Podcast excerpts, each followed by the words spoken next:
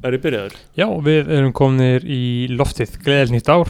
Gleðis nýtt ár. Kæru hlustundur, verið velkomin í þennan þátt með Benedikti Erlingsinni, kvikmynda, leikstjóra, leikara, gert var bíómyndir, heita þetta, leikrit, einhver leikrit, fórsbræður. Miklu meistara, já, þarna Skallagrinsson fullt að seti, já. heyrðu þarna og ég var ekki við, gæðin sem heyri okkur núna er ekki gæðin sem er inn í þættinum, við erum bara Akkurat. að taka upp þetta hérna intro á uh, afskektum staða á landinu Emitt í trappinu. uh, en við erum að fara inn í mjög góðan þátt, við ætlum bara rétt að víkja því hérna áður við byrjum að við fjármagnum okkar innvörðungu í gegnum stuðningskerfið okkar Patreon Akkurat, completely listener funded, Já. myndi maður segja á ennsku. uh, Já, uh, og þarna eh, erum þar með svona okkar áskiptaleiðir, þú getur borgað í raun og veru það sem þú borgar uh, bara 5 dali á mánuð og það er náttúrulega ekki raskat. Og þá færðu auka þátt í hverju einustu viku á þriðutum uh, það sem er, við erum bara tveir að gasa og með stundum með einhverja smá gestastæla með einhverjum gestum. Uh, en já, við ætlum bara að lesa upp þá sem uh, eru svo örlótir að styrkja okkur um 30 bandaríkjadali á hverjum, einasta mánuði. Emitt, og það, ef þú styrkir okkur um 30 dali, þá farið þessa virðingu En- á nafni í byrjun hvers þetta. Já, er kannski betra að byrja á því að segja styrkja kóngarnir tveir á Já, þessar já. stundu Já, eru Jóhannes Haugur Jóhannesson, Einmitt. leikari Emitt, og Tandri Snær Traustason, leikmaður í leiknum tveir alvöru fucking meistarar Þeir fóru í uh, Bid War eins og það heitir á ennsku um, En eru jafnir núna, Eru jafnir þeir núna. eru báðir að styrkja okkur um 100 dali á mánuði sem er þeir, algjörlega garið og þeir fara inn í nýja árið sem sammeilegi styrkjakongar mm Mhm. finnst það fara hjá þeim að deila þessu. En ég væri til að sjá það á uh, Speedy Lóna verðan að það gengur ekki að hafa tvo til lengdar þá munum við hægt að lesa það upp. Já, það- nei, nei þú veist sjá, sjá- sjáum til hvernig það þróa sko. en jú, uh, með því að gera styrkjakongur farið þau ultimate virðingu á nafnið eins og þeir Jóhannes Haugur og Tandri Snær fá núna. Jóhannes, frábær leikari mm -hmm. góðu viðmælandi, á, allir mjög ánæði með þáttinans Og Tandri er bara king, við höfum talað um Já, það Tandri er bara king, checkja hann á Instagram followa hann, mm -hmm. bara þú veist, allir hann á Facebook. Myndið sem ég sjá á Facebook er ekki rétt mynd af hann, að þetta er einhver fermingamynd hann er tölvert kallmælegri og svona ég væri til að Tandri myndi senda okkur mynda sér þannig að Já. þetta mynda Tandra. Uh, bara til að setja virðingu á geitina. Uh, en aðri styrtaræðala sem eru að styrkja okkur um 30 dali eru sérst í sköfuðu leiðinni það eru Mhm. Benedikt Bjarnason og Björgvin. uh, Björgvin hvað svon, sér þú það? Björgun Ívar Baldursson.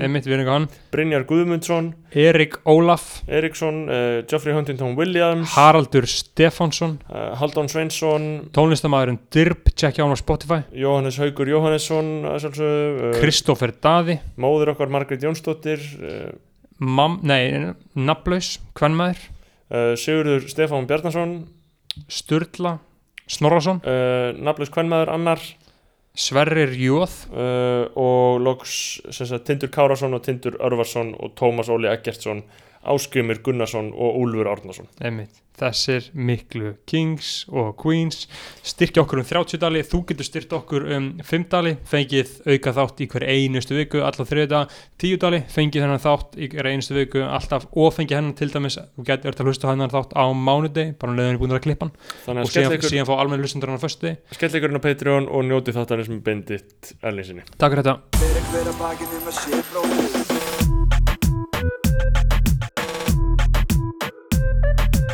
Fyrir hver að bakið um að sé bróðir eigi. Og við erum konur í loftið uh, með Benedikt Erlingsinni er það ekki? Jú, Jú, það? Velkomin. Uh, ég hérna, var að horfa á uh, við náttúrulega erum fáa hlaðvarp og vinnum heimaðinu ég var að horfa á uh, viðtal við þig.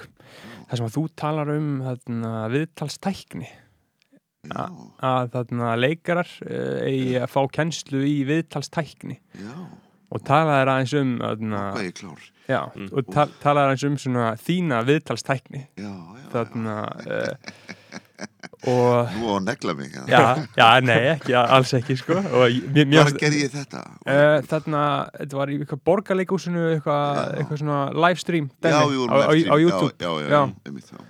Og þið voru að syngja eitthvað lög og spjalla Já, og eitthvað já, svona sko. já, uh, og mér, mér fannst þetta bara svo gott sko, uh, með, með þína viðtalstækni Já. að þú talaður um sko, að þú fengið spurningu Já. en byrjaði síðan bara að tala um eitthvað annað er, Já, eh, taka bara impuls já. sko. Já. og vandamálum mitt er ég er svo sko, þægur strákur, sko. ég vil Já. alltaf svo svara og mann finnst til dæmis að svo pyrrandi þegar stjórnmálumenn svara ekki Einmitt. spurningunni Mhm. og þú veist en hérna en, en eh, og þar manni finnst, manni finnst þeir sko skjóta sér undan og, Mhm. og hérna en svona sem listamæður þá skiljið þetta maður sér þetta skýrast í Haldaru Lagsnes Mhm. þú veist hvernig hann bara tekur, þessi kalla, tek, tekur impuls Já, þú veist það kemur ykkur spurning og bara, eh, hvað langar mig að tala um? Já, já ég, ég er mjög fylgjandi þessu. Ég er oft sko uh, maður fá, fáum alls konar viðmælendur. Uh, Ég vilt, viðtal við mjög mikið af ólíku fólki úr ólíkum störfum og ólíku vesenni og mér finnst eiginlega uh, versta fólki til þess að fá viðtal er fólki sem reynir raunverulega að svara öllum spurningum sko. Það er ekki góð viðleitni sko. Nei, Nema þú sért stjórnmálmaður já, já. en maður er svona, ég náttúrulega hef fengið smá æfingu í að taka svona viðtöl sérstaklega eftir að ég fór að ferðast með myndum mínum og, og, og þá gerist það sko, þú far alltaf sömu spurningarnar Já. og þá gerist þetta automatist sko, þú nennir ekki að fara með sömu rómsuna Einmitt. og maður byrjar að reyna svona leika við sjálfan sig og finna einhvern nýjan flött á sama Já. efninu En sumir virða samt nenna að fara alltaf með sumir Já. röfla. Það er til fólk sem nennir því raunverulega. Já, það er alveg rétt hjá þér. Það, eru, og það er einmitt í mínum geri, það eru sumir leikstjórar og kvikmyndframleitur sem eru það sem kallaði mjög pró, sko Mhm. og þeir hérna gera þi- það þetta. En það kvarta allir svona blaðamenn undan þeim, þið fá ekki, ekki Mhm. lít frá þeim. Já, já, og svo, þú veist, eins og, eins og þú gerðir þá googlar blaðamaðurinn ef hann Mhm. gerir heimavinnuna sína. Mhm. Mhm. þi- þannig að Benedikt eða eitthvað sem hann er að taka viðtal við og, og sér þá allar spurningarnar og, og all svörin. Mhm. og svo fer, tekur hann í viðtal og heyrir þetta allt aftur. Akkurat. Já, það er hæðið maður, ég lendi því oft sko, og, maður, og maður bara, já, já, þetta verður bara eins, þú veist, er, Mhm. og, og sko, fólk, og, og, þetta fólk, sko, en ég, ég held að þetta sé líka bara svona skortur af, þetta er svona ákveði óurki að vera bara alltaf með sömu svörin, skilur Já, já. er það ekki? Jú, eða eitthvað svona samviskusemi. Já, Mhm. Já. En hvernig hugsaðu þegar þú ferði í uh, viðtalinu út að kynna kveikmyndir erlendis þarft ekki, uh, ertu meðvitaður um og þurfur að vera rosalega skemmtilegur og hress Nei, til sko- þess að fólk vilji fá þig meira í viðtölu hvernig, sem- hvernig hugsaðu það? Já, sko, nei, ég, nefnilega, þetta er nefnilega sem sagt, kostur þess að vera kvikmyndalegstjóri sem er búin að frumsýna myndina. Mm. Ég þarf ekki að selja myndina. Nei. Mm. Þú veist, ég þarf ekki að pizza hana. Ég þarf ekki að segja einhverjum hvað myndi mín er æðisleg. Það er búið að gera hana. Skilur, Það er að segja að viðmannandi minn á að vera búin að sjá myndina Mhm. og er að spyrja mig um vinnu mína, bakgrunnin eða bla bla bla, Mhm. skilur Þannig ég þarf ekki að vera í stöðinni um eitthvað að reyna að vera sexy og spennandi. Já. Auðvitað er ég þarna samt til þess óbeint. Mhm. Það er að segja, það er verið að taka mig viðtal, viðtal vegna þess að dreifari myndarinnar sem búin að borga peninga fyrir hana er búin að pína Mhm. til þess að taka mig með viðtal svo hann fái eitthvað, eitthvað byrtingu til þess að hann geti selt bíómiða, Þannig það er sko vél að hann á bakvið sem Mhm. er að reyna að fá fólk til að tala við mig Mhm. og stundum er þetta fólk með áhuga á kvikmyndum yfir höfuð. Þannig það kemur til mín og svona, vá, ég sá myndinu og þetta var. Mhm. En sko, stundum lendur í því sérstaklega þegar myndin er nýfrumsýnd. Um, og það er ömuleg tilfinning. Ég fór viðtal við úkrænsk hérna, sjónvarp á Cannes og nýbúið frumsýnum myndina Mm. og það var bara, ok, Alexander, ok, tell me, tell me now, you have two minutes, why should I see your film? Já. og einhvern veginn og maður er einhvern veginn ah, er ekki alveg þarna alveg komið þarna þú veist, ég, ég hérna og, og svo og svo gerist það oft á tímið í þessu viðtölum að, að blaðmaðurinn er ekki búin að sjá myndina Mhm. af því hún er bara hann ný frumsýnda á þessu hátíð og hann hefur ekki fengið tækifæri til þess og ekki náða að sjá skrínirinn eða eitthvað bla bla bla.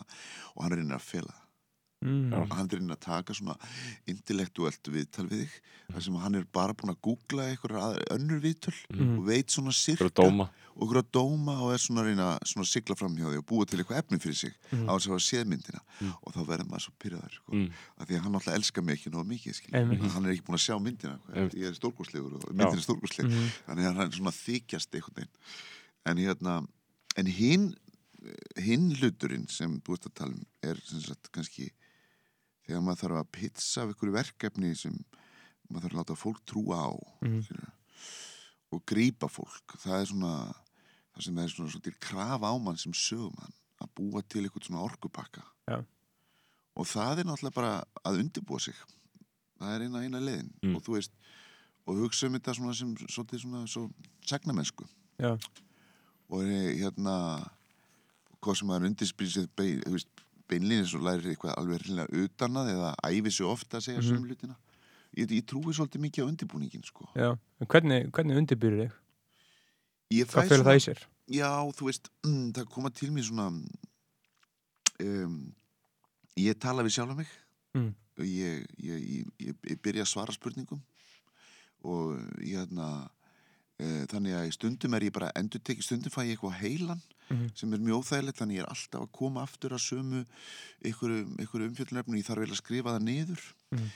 og stundum ef ég er í vandræðum þá ég ger eitt trikk fyrir ekki að því ég bara þessari kynnslóð þegar ég er í smá vandræðum með eitthvað er að fara í kannski eitthvað viðtalið þarf að segja eitthvað um eitthvað eða er að skrifa eitthvað um eitthvað sem ég, mér finnst þurfa að vera interessant þá setjum ég upp svona innri grímu Mm. svo að ég fyrir karakter Mm. það sé að, og karakterin minn er ekki setan hinnum Mm. ég fyrir karakterin hérna Haldur Lagsnes ég bara byrja að tala á einhvern veginn um þetta og áttum á því að úr hvaða stjórnuhimni ég, ég, ég ætla að býma mig ha, að þessu efni. Og eitthvað, þú veist, og þá gef ég mér eitthvað tíma og frelsi og þá kom ykkur á hugmyndir mm þetta er bara svona mental æfing mm huglæðan æfing. Eða þú getur fa- f- sett í eitthvað hlutverk til þess að stímulera ímyndunaraflið sko. Mhm. En Lagsnes, eigum við, við mikið af viðtölum við hann á Já. rekordið það? Já, það eru til nokkuð viðtöl í sjónvarpinu þessi Já. gullkista var að opna hann er náttúrulega snillingur í viðtastekni Mm. og þú sér þetta líka þegar sem hann er í skrifum viðtölum en hann ymmit tekur impuls og, og svo hefur hann alltaf þennan talsmóta sem gefur honum tíma Já, þú veist, eh, ef ég væri hérna þú veist, hann hefur þetta, þetta, þetta hík híkorða Já, já. sapsitt þarna og hljóð þannig að hann, hann heldur sig ykkur í spennu og aðtigli meðan hann er að leifa hlutunum að koma til sín já og búa til setningar, hann Og er að smíða setningar, já. sko. maður svona horfur, maður Já, heyrið á hann sko. Eru viðtöl við hann í þessu 90 ára rúf? Já, ég held það sko En Ég ég, er ég, bara- ég, ég er bara að hlusta Nei, sko. ég- Ég var einmitt að hugsa sko Ég var sko. einmitt að hlusta á af einhverju bóku, ég var að hlusta á þarna, hann var að lesa einhver smá sögu, hann var að lesa þarna ósegur ítalska loftflótans Já, uh, og ég var að hlusta á hann og ég var eitthvað úti og ég hugsaði, djúvill, það yrði að vera til podcast með Halldóra Já. Lagsnesi, ég var en til í sko þið getur bara að googla, fara YouTube að hann, Já. það er fullt á YouTube Mhm. og hann að tala þýsku og hann að tala frönsku og dönsku og, eitthvað, og hérna og hann er náttúrulega alveg fyrirbæri sko. Það sko- hefur mjög fallið saga þegar hann var eiginlega orðin heilabilaður og Mm. fjölskyldan varðan og þá komu ykkur ítalskir eða franskir eða spænskir blaðmenn, mann ekki alveg hvað var sem mikið, við- mikið reynda að tala við hann og hann Mhm. Var mikið, hann var köplóttur svona dagamunur á honum. Mhm. og þau neituðu, harneituðu því. En þeir vissu að hann uh, færi sem sagt, í göngutúr. Og þeir sá, sitja fyrir honum á, á Móseseiði Já. og bara með, með krú sko, kamerur og læti. Og hann bara allt í hennu kemur niður í eitthvað laut og, og það er bara lið sem vil tala við skáldi og þá er hann bara í góðum gýr Já. og hann sko talaði við þá líka latínu og, og, og hérna konversiseraði þarna á spænsku og latínu og, og var fljúandi fín skilur, Mhm. mér finnst þetta svo fallið mynd sko Já. Er þetta til á YouTube? eða? Já, þeir ættu nú kannski, það væri nú gaman að grafa upp þessa, þetta viðtal við hann. Já, það er sæðilegt hvað er mikið í gladkistunni sko. eða svona sem er ekki eins og gladkista heldur bara einhver, sko, einhver digital gladkista sem virðist vera gladkista, það er sem ekki Já. efni sem við höfum ekki Mhm. aðganga sko. Já, Já, uh, Eh. ég, ég held að ég, uh, maður geti fakta það að 25 ára Haldur Lagsnes, uh, við varum ykkur frá Kasmír tímabili, hann hefði verið með podcast, já. Já, hefði hann haft tólinn til þess, Já, sko. ég meina hann er maður sem búið til Hollywood sko, Já. og hann ætlaði að gera kvíkmyndhandrið. Já, En sko, já, þetta er alveg rétt, ég var nefnilega einmitt að hugsa um þetta, ég var að, það var verið að lesa, flytja gömul leikrit í hérna í hljóðleikúsi borgarleikusins, nei þjóðleikusins og hérna, og þetta er svona gömul verk frá upphæfu aldarinnar og svona, svona þjóðlegt og með svona þjóðlegum vísunum, þetta var náttúrulega frá, gull, frá hérna skuggasvein og eitthvað, Mhm. dóttir Farós og eitthvað svona gamalt stöf og maður er búin að hlusta, hlusta svolítið á þetta og þennan arf og hvaðan þetta kemur Mhm. þá þegar maður hugsaður um sko vefara mikla frá Kasmír í þessu samíki þá hugsaður maður loksins, loksins Já, já. bara ah, þú veist, loksins bara góð saga með eitthvað spólgraðan ága sem er bara, þú veist, að deyja úr kynkvött og, hann Og egói, sko. og egói Mhm. og kastrir að sjálfan sig í, með því að gangi í klaustur að lókum Einmitt. sko. þú veist, þetta er náttúrulega svo falleg úr nútími og svo Mhm. reynd og beint og í alvöru Mhm. Já, ég, ég lasi einmitt bara veðurum miklu frá Kasmir bara til, til til að nýla þetta bara hvernig hann er fyrra og, og mér fannst þetta einmitt sko sturl bók sko. Já. þannig séð, þó, væri, Mhm. þó ég væri að lesa hana 100 árum eftir hún kom en náttúrulega líka svo algjörlega sko, þetta er einhver ljóðurænasta kvennfyrirlitning líka í heiminum bara hvernig hann skrifar um konur Já. er sturlun sko já, og en þú veist, það er bara ákveðin innsýn inn í hugarheim miklu frekar en að maður sé eitthvað að leggja mat á það núna já, karakterinn sem talar Já, karakterir sem tala, það er alltaf steinni ellið, sko, en það er bara svo epíst og ég, meina, ég held náttúrulega líka að Haldur, ég hef náttúrulega með kenningar um að Haldur hafi verið að hommast í þessum ferðum, sko. Ég held að, ég held að hann hafi verið hommi, sko, ég held að hann hafi verið að hommast í þessum ferðum sjálfur, sko. Ég get ekki trú að öðru, sko. Hvað finnst ykkur um það? Te- Tellið það líklegt það? Haldið hann hafi verið að, Ég held hann að, ég veit ekki og, og okkur er náttúrulega bara nokkur, nokkur veginn saman það í dag en hann, hann er náttúrulega samt svo líbó finnst mér sko hvernig hann lýsir einmitt samkýmsnegða samfélagin á síkilei Já, við, hann átti svona ítalska vini sem voru Já. hommar, sko. Mhm. en það var voða auðvelt á þessum árum en menn áttu vini sko að, að fá hommaorð Já, og til mér áttu vin sem var hommi já.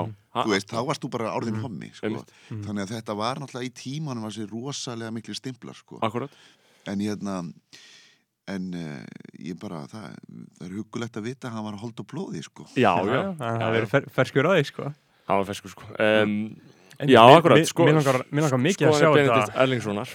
Mér langar mikið að sjá þetta viðtal við hann, það sem er náðunum Sát, sátu um hann, sko því maður hugsa um, það er náttúrulega sagan þegar, að- þegar að Mikael Torfason fór Já. tóka viðtal við hann frægasta viðtal sem ekki var byrt einmitt, Já. sem að er til einhvers staðar en Já. hefur ekki verið byrt neins staðar ég held að hann hafi gefið hann út í, í bókarformi sem blandaði þessu inn í eitthvað bók sko. Já, hann, hann, hann bara, hann segir bara frá því Já, í já. bókinni, sko Já. Og okkur gaf hann ekki út. Nýjustu bókinni hann var Út- stoppaður af, það voru útgefundur allir eru svo hrættir sko, því að Já. hann einmitt satt fyrir honum þar sem hann Já, var á, hérna, ég held að hann var í sænsku fangirsi Já. talaði bara sænsku þannig á Reykjalundi já Vá, hvað það fyndi með. hann, hann sem þetta mætti og konsepti var sko að yngsta skáld landsins taki viðtal við elsta skáld landsins Já. og hann mætti á Reykjalund þar sem að Lagsnes var Já. spurði einhver, hann segi frá þessu í bókinu sinni sko, hann Já. sp- spyr einhver spyrir hann hjúku sem er vinnan hvernig kemst ég á hannum og hún Já. svona mældi með að hann myndi fara þarna, akkurat þarna og síðan ná honum Já. en síðan var það bara svona estateið Lagsnes sem að í rauninni banna þetta já, já, fólk var þetta rætt sko. Já. Mm. og það var einmitt uh, og fyrst þetta leiður okkur í uh, yfir í Gunnar Smára og Mikael Tórason þannig að uh, við erum búin að horfa á förstudags Já. rauðbóla í já, þetta er bara ég, mjög gott content ok, finnst það verið þetta skemmtilegt mér finnst þetta Berþór virkilega skemmtilegt, enga duglu við að horfa á þetta. já, sko. ég horfði á uh, Já. hvern einstu þátt sko. ok, Já. og þarna En veitu hvað, ertu, ertu að hvernig föstu þig að tala við Gunnar nei, Smára ég held sem búið að rekka mig núna ég alltaf ekki síðasta fyrsta nei, ég held, ég held að þessi komið komið í jólfrí já, já, ok, Já, ég held það sko. Uh, og mér finnst þetta einmitt sko gott sko uh, kemistrið að milli þín og Gunnar Smára já, þið, þið eru svolítið svona uh, sk- skemmtilega við hvernig sko. já. Þarna, já, ég byrja mikla veiringu fyrir honum mér finnst mjög gaman að stríða honum. Og honum finnst líka mjög gaman að stríða mér. Þannig að það er mjög gaman. Já. Og þarna, uh, hvernig finnst þetta? Hvernig er að, þú veist, þið þurfa að tjá þig í svona tíu mínútur í einu og eitthvað svona, þú veist, af hverju, af hverju gerir þetta? Já, ég veist, ég er bara svo meðvirkur Mm. ég veist, þetta er bara, eins og ég kom hingað þá, Mm. en, en mér fannst í hérna, þú veist, þetta er líka til þess að fá kannski útrás fyrir alls konar hugmyndir og hlutir og tjáningar þörf og við getum kallað þetta hrúturinn í mér þannig að Já. fá eitthvað plattform og hérna, ef ég gef það ekki þá, þá fer ég að þurfa að fara að fara að skrifa þetta niður eða, eða ég þarf að fara með eitthvað Facebook status eða mér finnst ég þurfa að skrifa greinar og það tekur mér miklu meiri tíma og tekur Mhm. tíma og orku frá því sem ég kannski ætti að vera að gera. Já.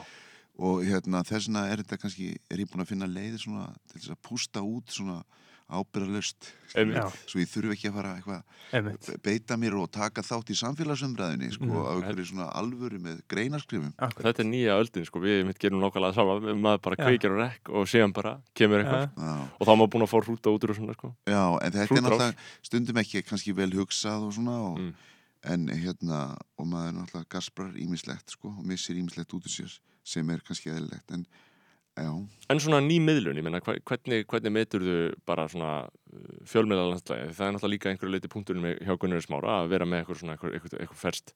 Ég skil sko alveg þetta, missjónina hjá honum skilur og, og, og, og missjón hans er að flytja sko miðjuna í umræðinni Mhm. og, og reyna að taka aftur inn einhverja orðræðu sko Mhm. sem, um, um hérna svo marxíska orðræðu Mhm. sem sagt og, og ég skil það og virði og ég held að hann hafi nokkurn veginn rétt fyrir sér með það, þú veist. Já. hvað sem við stöndum þá, með, með, þá er þetta alveg þá er þetta rétt sko. Eh, en þú veist, þetta er náttúrulega interessant þessi hugmyndum polariseringu, hún er að gerast á mörgum plönum. Mhm. og að annar plan sem ég er að hugsa um það er þetta, það sem við kallum á ennsku politíst korrekt eða PC-tal og það kemur til mín inn í menningarumræðinu í gegnum víðsjá og, og hérna lestina Mhm. og svona einstakar gaggrinni um leikus og það er oft mjög ungt fólk velmentað og bókmentum eða kynjafræði eða eitthvað á háskólanum sem er, er alveg rosalega hrókafullt Mm. finnst mér. Já. og það er mjög svona reitt við allan svona húmor sem á einhvern hátt fer á línuna og, og það er til dæmis hugtak sem ég, ég var að hlusta þetta um daginn og ég stóð mig að ég sko alltaf slökkva bara okkur svona þætti eins og, eins og vísjá að því að að því að mér leið svona eins og hl- svona hlustaði á útvarpi sögu sko, það er maður, maður verið svo pyrraður maður slekkur Já. og, hérna, og, ég, og þarna var ég allt í einu bara og það, ég bara með leið í fyrstu kiptu af henni ég var orðið miðaldra kvítukall Já. að því það var þarna verið að tala í útvarpinu þetta var orðið skammarriði það var alltaf verið að segja, það er bara miðaldra hvítur kall miðaldra og ég bara og ég var, ég var bara, veistu, sko bútarnir segja það sko, ef þú, ef þú getur búið til draugin sem þú óttast, skilur Mm. og mér fannst þau vera að búa til hérna draug úr mér og það var verið að tala um hugtæki hérna hrútskýringar Mm. og það var verið að taka dæmi um menn sem voru að hrútskýra og svona viðbröð kvenna hvað þær eh, sýndu mikla félagslega mýkt og væru kurteisar en það var einhver hérna pislahöfundur sem var ósáttu við það og sagði bara að við ættum að hrækja framann í, í Já. þessa hrúta Þetta var pistilin um, um pistilin hann stóra. Haldur Samlands, já. og ég hérna Já. og ég fór að hugsa um þetta sko og ég varð alveg hérna reyður hútur Mhm. en, en sko en það sem ég, mér fannst þetta rókafullt Mhm. mér fannst þetta svo sögulust af því að sko þetta er eðli mannsins að þetta heitir að vera besservissir Mhm. Mhm. og við gerum þetta öll við erum ofta besservisserast skilur í hvort öru og það gera konur líka við kalla Mm. Og ég meina, ég veit ekki hvað oft ég hef verið ær skýrður eða skilur hérna, ær hefur komið að mér og, og talað um eitthvað sem ég veit miklu betur um skilur, átti ég að rækja fram að það þú veist, ég bara hlusta þú veist, elskulegur á hana Já, skilur, já. Mhm. og ég meina og ég var alltaf alveg upp við svona, ég var kallaður mikið sjálfur besservissir Mm. pappi minn, hann passaði upp á það minna mig á það, ertu besservissir Mm. skilur, og svona kendi manni ákveðina svona hlustun skilur, já. en hérna og þannig að mér finnst þetta að vera bara vanta eitthvað svona umburðalendi stundum í þessa Já. þessi orðræðu Mhm. fyrir bara mannlegu eðli og, og það er kannski ekki alltaf rétt að kynngreina þessa, þetta atverðli sko. Nei, sko, ég held að ég man að en svo líka sér gaggrinni, sko, þegar maður hlustar á veist, lestina og viðsjá, þetta, þetta er svona vettvangur fyrir einmitt þetta, þú veist, þarna kemur kemur fólki sem er í, í akademíinu og er Já. líka að fjalla um listina og, og Já. með eitthvað svona pisla og svona og þar, þar uh, sjáum við svona tilneyingarnar í Já. umræðinni, sko Já, um, eins og til mér bara ég man einhvern veginn að því ég las það var dómur um, um síningurinn Jóns Gnarr já, uh, um þarna kjötið súper Súper. sem ég leikstýri Já.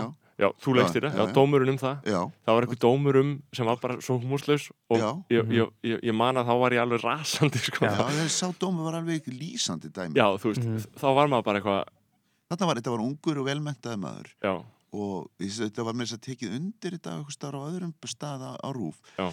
og það var eins og ég spurði einhvern mann einmitt um þetta, talandi um Haldur Lagsnes Mm. hann spurði hann það hefur alltaf, hann orðaði svona það er alltaf runni þessi lækur innan akademíunar, Mhm. mm -hmm. þessi hú, húmorslösi lækur. Lí, allt sem er húm, hefur húmor er ekki nógu fínt. Mm. þannig að Haldur Lagsnes þótti ekki fín eða ein, ein, einar Karl eða einar Már eitthvað svona allt sem var eitthvað starf þessu var, var lítið hortnuga en þarna var alltaf bara ótrúlegt ólæsi. Já magna Ég ólæsi sko. Já, bara, þú veist, þetta var svo einfalt dæmi, þú veist, pólsk kona Mhm. sem er uh, hérna í þjónustulhutverki í kjörbúð og, og hérna, það kemur hérna fólk og er að tala saman um, um, um lífið og þetta er svona eitthvað svona ríkalegt ástand og pólska konan hérna, þú veist, veljum við að þú veist, við- fyrst er hún klætt upp eins og slavneskar konur sem er svolítið Santa Barbara Mhm. og það, það er svona og síðan letum hann alltaf snúa baki á hún hún var alltaf á jæðrinum hún fekk ekki einu svona að koma inn, í, svi- inn á sviðið og hún fekk ekki einu svona að horfa fram af því hún var pólsk af því hún var í, á jæðrinum Já. og þú veist, hún segir með þessa setningu hérna og tekið niður þú veist, eitthvað segir e, íslensk menning er, er, er, krist, hana, er byggjast á kristnum gildum. Og þá segir hún, já, ég, ég, er, ég er kristin nei, þú ert kathólsk já, þa það er það sama. Nei, það er ekki það sama kathólska er sértrúahópur eins og í vottar í að hófa þetta var svona, og þú veist, maður segir og þa þannig að það var verið að, eins og heitir dissana, það var verið að gera henni það var ráðist á hana. Og, og maður hugsa sko, byrju brandarinn er um fávitan sem ræðst á hana Já. hann er ekki um hana. En, en þessi ágæti ungi gaggrinandi hann bara fór í vörð kakvart í aðarhópum og, Mm. og fannst við ekki vera sagt, affjúpa sem sagt, uh, við vonda heldur voru við að ráðast á því góða Mhm. Já, ég, ég man eftir þessu en, þú, og, þá, og þá er maður, þú veist, en, en málið er að síðan, þú veist, ef maður fær á sig eitthvað svona gaggrinni sem er bara svona augljóslega byggð á, á, á uh, bókstala einhver bara fattaði ekki dæmið. Já, bara, læsi, já, já, bara skildi ekki dæmið. Þú veist, þá getur maður, þú veist, þá, þá vill maður alltaf bera hönd fyrir höfuð sér og, og, og segja bara, þú skildir þetta ekki skilur en þá er maður komin í vörn sem einhver listamæður, skilur En stundum þarf maður kannski að gera það. Ég held að, en sko í þessu tilfelli hugsaði ég, ok, ég hugsaði tvent getur verið að þetta sem ég er að kenna, það hefur eitthvað verið í hvernig við settum þetta á sviði sem, sem fyrir hluta fólks sem sagt, var það ekki læst á þetta. Mm.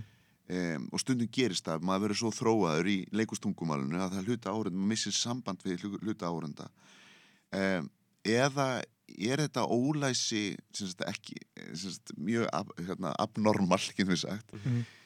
þannig að maður, maður getur líka maður snýr alltaf boltanum að sjálfum sér líka og þarf að gera það sko. En ég hef komist að sem sagt, þeirri niðurstöð að það í þessu tilfelli hafi ekki verið neitt að mér. Nei, heldur Já. þessi mann, Já. þetta fólk hafi verið fyrrt Já, eftir langa umhugsun þá var það að það neðstæðan það var niðurstöð Mhm. en hérna en þetta verður bara alltaf komið ljós. Já, já, um, akkurat, en, en, en það er sósialismin og, og það eru stórumálin hérna hjá Gunnar Smára og, og ykkur félögum þarna, uh, og svo sem líka í leikúsinu og svo sem Já. líka bara í, í öllu sem, sem uh, þú virðist takaði fyrir hendur í, í á, vettvangi listarinnar uh, Trúið þú á sósialisman eða?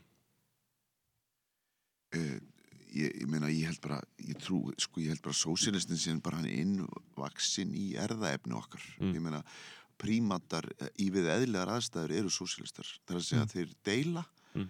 uh, og þeir uh, sem að samhjálp. Veist, sós, fyrir mér er þetta bara svona siðmenning. Það er sagt að fyrsta merki siðmenningar sem finnst er, er ekki brotin skál eða tinnunýfur eða neitt.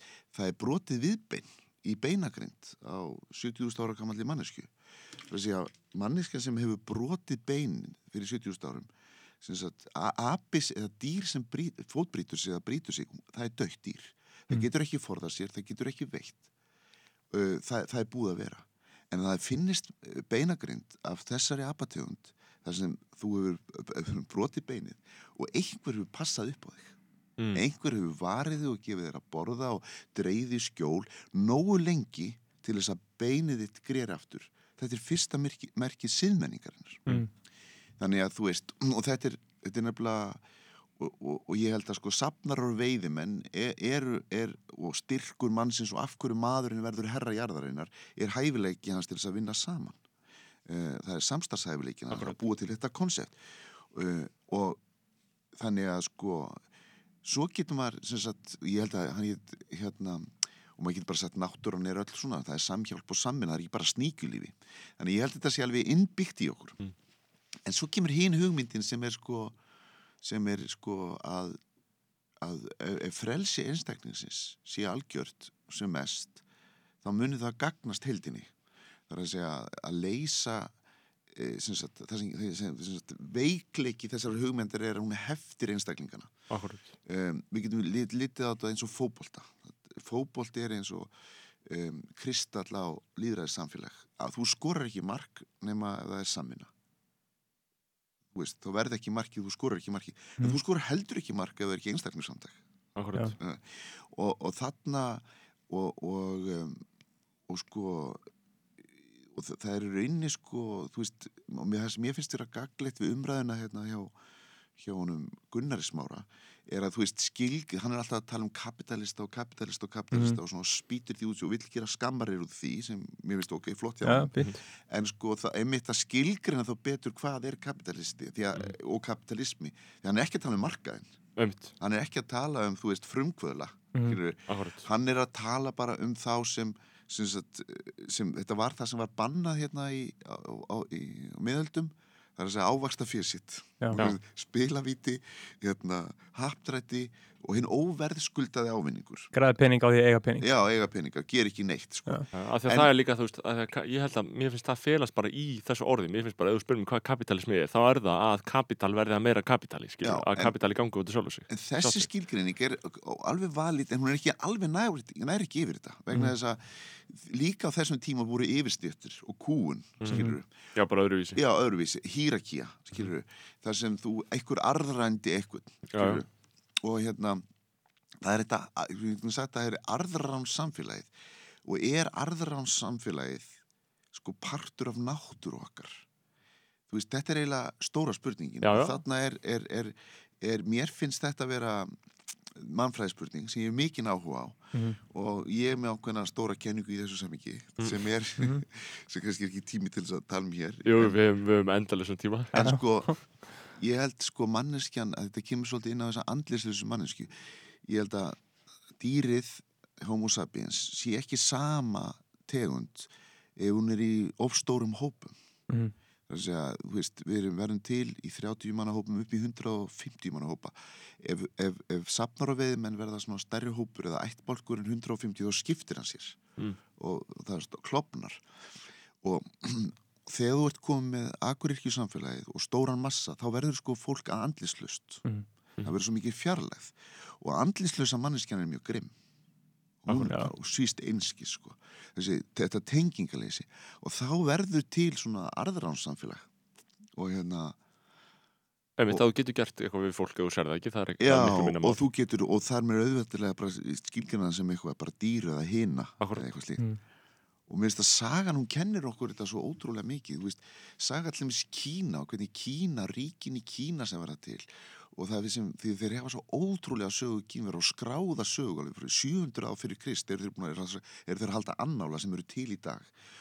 Og það virðist vera eins og hér þarna og þeir skiptir sér safnar og veiðimenn og þeir segja bara veiðimennir og safnararnir það er eins og sko safnar og veiðimenn hafi klopnað í veiðimenn sem urðu þá hjarðmenn mm. því þegar þú ert veiðimar þá verður elda hjörðina og þá verður að passa upp á hjörðina sem þú lifir á og þú verður að uh, drepa úlfana sem eru á ógninni og fæla aðra veiðimenn frá og þannig er þetta orðin hjarmaður Já. og safnarinn, hann, hann fyrir að safna og hann fyrir að rækta og hann verður bóndi Já. og þannig geta þannig þessi ættborkar Er það þannig sem veiðimenn þróast í herminn og síðan í safn? Já, safnara? já. og þannig, en sko hjarmaðurinn, hann heldur vopnavaldinu, Mm. af því að það er partur af hans, meðan hinn heldur á plóknum og hakanum og svo í Kína er alveg, það bara virðist vera að það er bara verður fjandsamlega yfirtak það verður bara, fólk híminsins tekur yfir fólk jarðarinnar. Það er það verður bara hjarðmenn sem bara taka yfir þarna bændasamfélög og verða bara, og heitir á dönsku herskarir, eða bara svona kúarar bara Mhm. yfirstjættin. Og svo blandast þetta voru flóknir, þetta er svona frummyndin. Og maður sér þetta líka í sögu rómar. Etrúska menningin blandast sama við einhverja hjarðfólksmenningu úr fjöllunum og þannig það verður rómversk menning er, er svona bland Já, af þessu einmitt. og þessi patriark og publikus og allt það, Mm. þetta verður bara svona, svona fjandlæsanlega yfirtak, þetta verður þrælahald sko. Og við erum að glíma við þessa, þessa tvo póla í allu okkar samfélagi. Mm. Hjarðdæmið og... Já, já veiðimaðurinn versus Já. eða sá, kú, sá sem heldur á vopninu og svo verður þetta sko, ég skal verja þig, ég skal verja forðan Mhm. og verja það ekki skilur Já. En ég hef svo sterka stöðu Mhm. og þarna verður patriarkið svo stert sko, af því að það eru þeir halda vopnavaldinu. Já, og þetta er allt gert og, og aðal ílskan í þessu er þá uh, nafnleysið eða Já, já, á- á- ábyrgðarleysið. Já, af því að þú getur ekki sagt þú gerir þetta heldur þetta er hluti af hóp sem gerir þetta og ég meina það er náttúrulega konseptið þegar þú tilrir ykkur um ættbálk og svo eru annar áttbálkur þarna, það er hægt að fara í stríð við hann Mhm. af því hann er nafnlaus og það er hægt að kalla hann bara svíns, fólk svínsins eða eitthvað Já, eða fólk þetta og þú veist og þú getur málar þig þegar þú mætir því og það er málað skilur Já, í stríðsbúning. Já, og þið eru það að takast á skilur og svo ég meina Já, ég þetta, Íslands samfélagi er merkilegt að þessu leiti líka, við verðum til sem þrælarsamfélag, algjört kúrasamfélag. Það er talað um sko þrælarnar sem vikingarnir tóku, kallkynsk þrælar hafi verið geltir meira og minna. Já. Þú veist, við áttum ekki að águr sko levelið og ofbeldi. Þú veist, markaðurinn í Suður-Evrópu og við, hérna, Norður Afríku sem þeir voru að selja, þetta, menn vildu gelta kallmenn, skilur af hverju? Þeir, miklu, við- þeir eru miklu hérna, auðveldari í viðfangs. Geltur maður sem er búið að taka allt testurkun minna hætt á hann flýi. Þú veist, hann er, þetta er þekkt. Þú er búin að taka bara kallmennsku núna úr úr honum. testosteini sem er allt þetta hérna vilja skora markið. Mhm. Mm.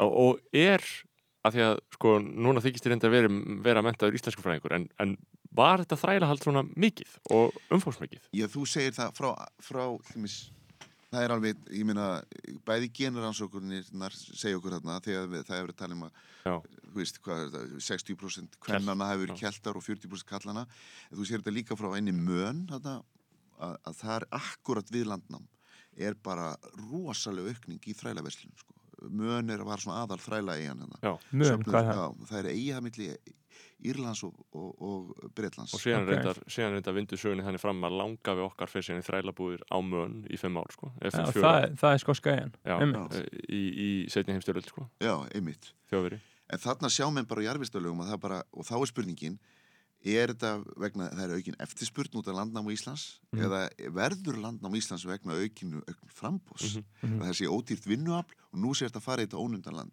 Mm. en þú veist, við erum alveg bara við verðum til og ég meina fyrsta sagan um landnámið, svona offisjál erum tvo þrælahaldara, Mm. Ingólf og, og Hjörlif, Já. sem eru menn í mannsali og þeir eru bara massífir þrælahaldarar Mm. og það er þannig að fyrsta sagan, hvað gerist í Íslandi, það er þræla uppreist sagan þegar Hjörleifur Já. er drepin þetta er sagan um þræla uppreist sem er bælt niður í Vestmanni sko þetta er náttúrulega það, þetta er markar upp á okkar. Mm. og stundum þú veist það er svo fallegt þegar við lærðum hana sem börn. Þú veist þið vorum ekki að þengja að þetta væri þræla sagan þræla uppreist og, og þú veist það var bara kunda kindi og rætur veist. Mhm. hér, nei, þetta er bara eitthvað glóri fyrir sér að um það Ingólfur hefndi fósbróðu síns. Sko Hjörlefi var þrællin eða ekki? Nei, Hjö- Hjörleifur er hinn, þeir eru tveir, Hjörleifur Já. er Leifur og, og, Já, þeir eru góðir þrælahaldarar í business, Já. svo fara þeir, með Hjörleifur fyrir til sem sagt, Írlands og safnar þar fólki og finnur hérna sverðið sitt og þess að kalla Hjörleifur, fann eitthvað Sverð. en allavega enga síður, þeir eru gæðarnir sem hérna, svona, eiga á marka þetta upp af og, og þeir hét- skipta sér, þeir eru að tveimur stöðum Já. og að það er gerðu uppreist hjá Hjörleif og hann er drepin. Já, mm. ég man sko einmitt, ég man einmitt að hafa lært um þetta, ég man eftir Já. að hafa lært um þetta og þá var svona, þú veist, þá eru, veist, við erum 100% þarna, við erum að tala um góðu þrælahaldarana og það er gott að Hjörleifur hefur náð að berja niður þetta dæmi, Já, það er alltaf sést, og Ingólfur kemur eftir sko. Já. Hjörleifur fellur. Og, og, og þrælarnir flýja í Vestmannegar þess vegna heitir þetta Vestmannegar Mhm. en Ingólfur, hann, Hann hann kemur og hefnur og hann Já. drapa á alla Já. skilur, þú veist og þetta var, þetta, við erum svo stolt af þessu sko Mhm. Já, Einmitt. Úps. en, já, en sko, já, akkurat og það, það er kannski tilhætni til þess að endur skoða þá, þá við ekki að- ekki að Ég- rífa- að niður Ingólf? Ég var einmitt að, að ég- á pústaði ég einmitt á Facebook þegar Já. það var í gangi, ég bent á ættu ekki að taka niður Ingólf Já, sko ég held að við ættum frekar að reysa styttuna af þrælunum Mm. Já. þarna við hliðin á Ingóli þú veist, hinu fólkinu við þurfum aðeins að minnast þess mm. -hmm. endurskoðunin sé ekki bara þú veist, sko vínarbúar, þú veist, austuríkismenn þeir rífa ekki niður styttur, það er bara stytta af Napoleon þar, þó hann Mhm. hafi tekið hann yfir skilur Mhm. og þeir segja að það er barbarismi að taka niður minnismerki sko. en við, og mér, ég er svolítið með þeim þar að einhverju leiti Mhm. það eru kannski mörg á því en mér finnst sko Adolf Hitler gata Já, það er svona heppið kannski. Ég skil alveg, þú veist, en mér finnst þetta að vera samt sko að við eigum að reysa minnismerki fyrir, fyrir hérna, fyrir þrælana sko. Já, Mhm. það er líka, þú veist, Og þrælakúltúrin. það er einhvern veginn, þú veist, það er einhvern veginn smá þannig að, að í gegnum þetta mannkynsöguna því miður og, og það er hræðileg staðrind en það er samt staðrind að, að öll meiri háttar afreg uh, mannsins hafa verið bara reist á þeim grunni að taka Já. bara mjög mikið af mannlegri þjáningu og flegin í dæmi og þá bara rísa eitthvað flott Ég meina, ok, þetta er landnámsmaður og hann, hann ákveður, finnur stað sinni í Reykjavík, ok, finnur landnámsúlurnar, en hann sendir tvo þræla. Þeir eru þetta vívill og hengil, Mhm. skilur, þeir eru þetta nöfn á tvö fjöllum, en af hverju ekki stytta af þeim? Mhm. skilur einmitt. því að þeir fóru þarna niður og fundu þessar súlur þannig að þeir ætti að standa vívill og, flottir írskir gaur, gaurar standa Já. svona singur með í vingolf Og svo er það, ambáttirna sem voru náttúrulega bara Já. einhverjum kynlisturhælla líka skilur við að einhver leiti öruglega og, og, og Sigur er hann skrifað söguna. Og Sigurinn skrifa söguna. Og það er sagt þetta sé svona eins og í bandaríkjunum það er að segja menning þrælana en tungumál sigurvegarana.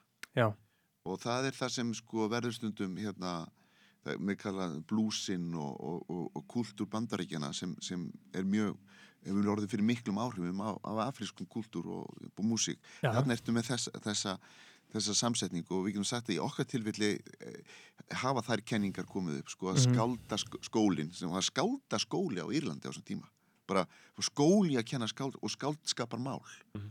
þú veist, það var ekki slíkt neitt í það, það, það, það þursar koma Einmitt. en það, það verður til hér mhm, skálskapar bókment kennslubók í skálskap skilur. Akkurat. þannig að maður getur hugsað að þarna er það menning þrælana og kannski er það sagnamennskan uh, og svo tungumál herrana ég meina, normenn skrifa enga sögur og það, það er ekkert sem kemur frá þeim að viti.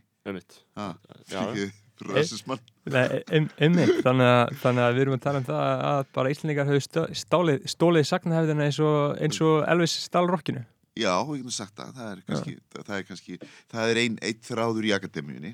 Það er frendi minn, Gísli Sigursson, professor sem er Mhm. náttúrulega að málsværi þennan skelíska kultúrs Já. þetta, þetta er nú kannski orðnar eiginlega bara viðteknar kenningar í dag sko. Já. þessi sambræsla Já, fólk er sammála um þetta Já, er ekki Já, svona meira og minna jú, það er, svona, er opnast sko. Jú, það er Mhm. örgulega til, það er örugglega til mjög mikið af stöðum þar sem einhver, einhver, einhver fólki greinir á sko. en, Já. en, en ég meina það er allavega alltaf uh, alltaf aukin áhersla á þennan Já. uppruna frekar en þennan, þessi ofur áhersla á norrænu uppruna Já. sem var alltaf sko. Já, Einmitt. Uh, en það hefur samt ekki skilað sér út í meðvutund almenningshaldi sko, að, að þetta sé svona gríðarlega byggt á uh, þessu gelíska stofni sko. já, af því að Ég ég, held að ég, þetta sé meira og meina við held- tölum bara um þetta sem eitthvað svona geðveitt góða og meistara frá Noregi sko, já, sem vikinga komu- ég held að það hafi verið þarna einmitt í uh, heimslós það sem að þú ert var alltaf að vera að hamra á því út annarkvort uh, norsku vikingur eða ískur þræll. Já, já, já. Og þú, þú ertur að velja hvort þú ert sko. Já, þú gast ekki vita, þú ertu bara ertu norsku vikingur eða ískur þræll er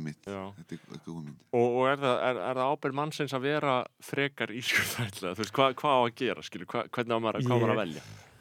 Ég, því að Þetta er kannski afstæðan til þess að vera, vera, vera búli eða ekki búli. Já. eða hérna ég held þetta sé ég er í rauninni auðvitað er þetta metafóra Mhm. það er líka stundu sagt að bara til tvær tegundar stjórnmálum stjórnmálflokkum í Íslandi það eru framsóknarmennir að kratar Mm svo getur sagt sko hversu mikið er sjálfstæðarflokkurinn framsóknarmenn Mm. Mhm. og hversu mikið er hann krati og, og þú getur sagt það um hína flokkar líka prósent er það á sko veist.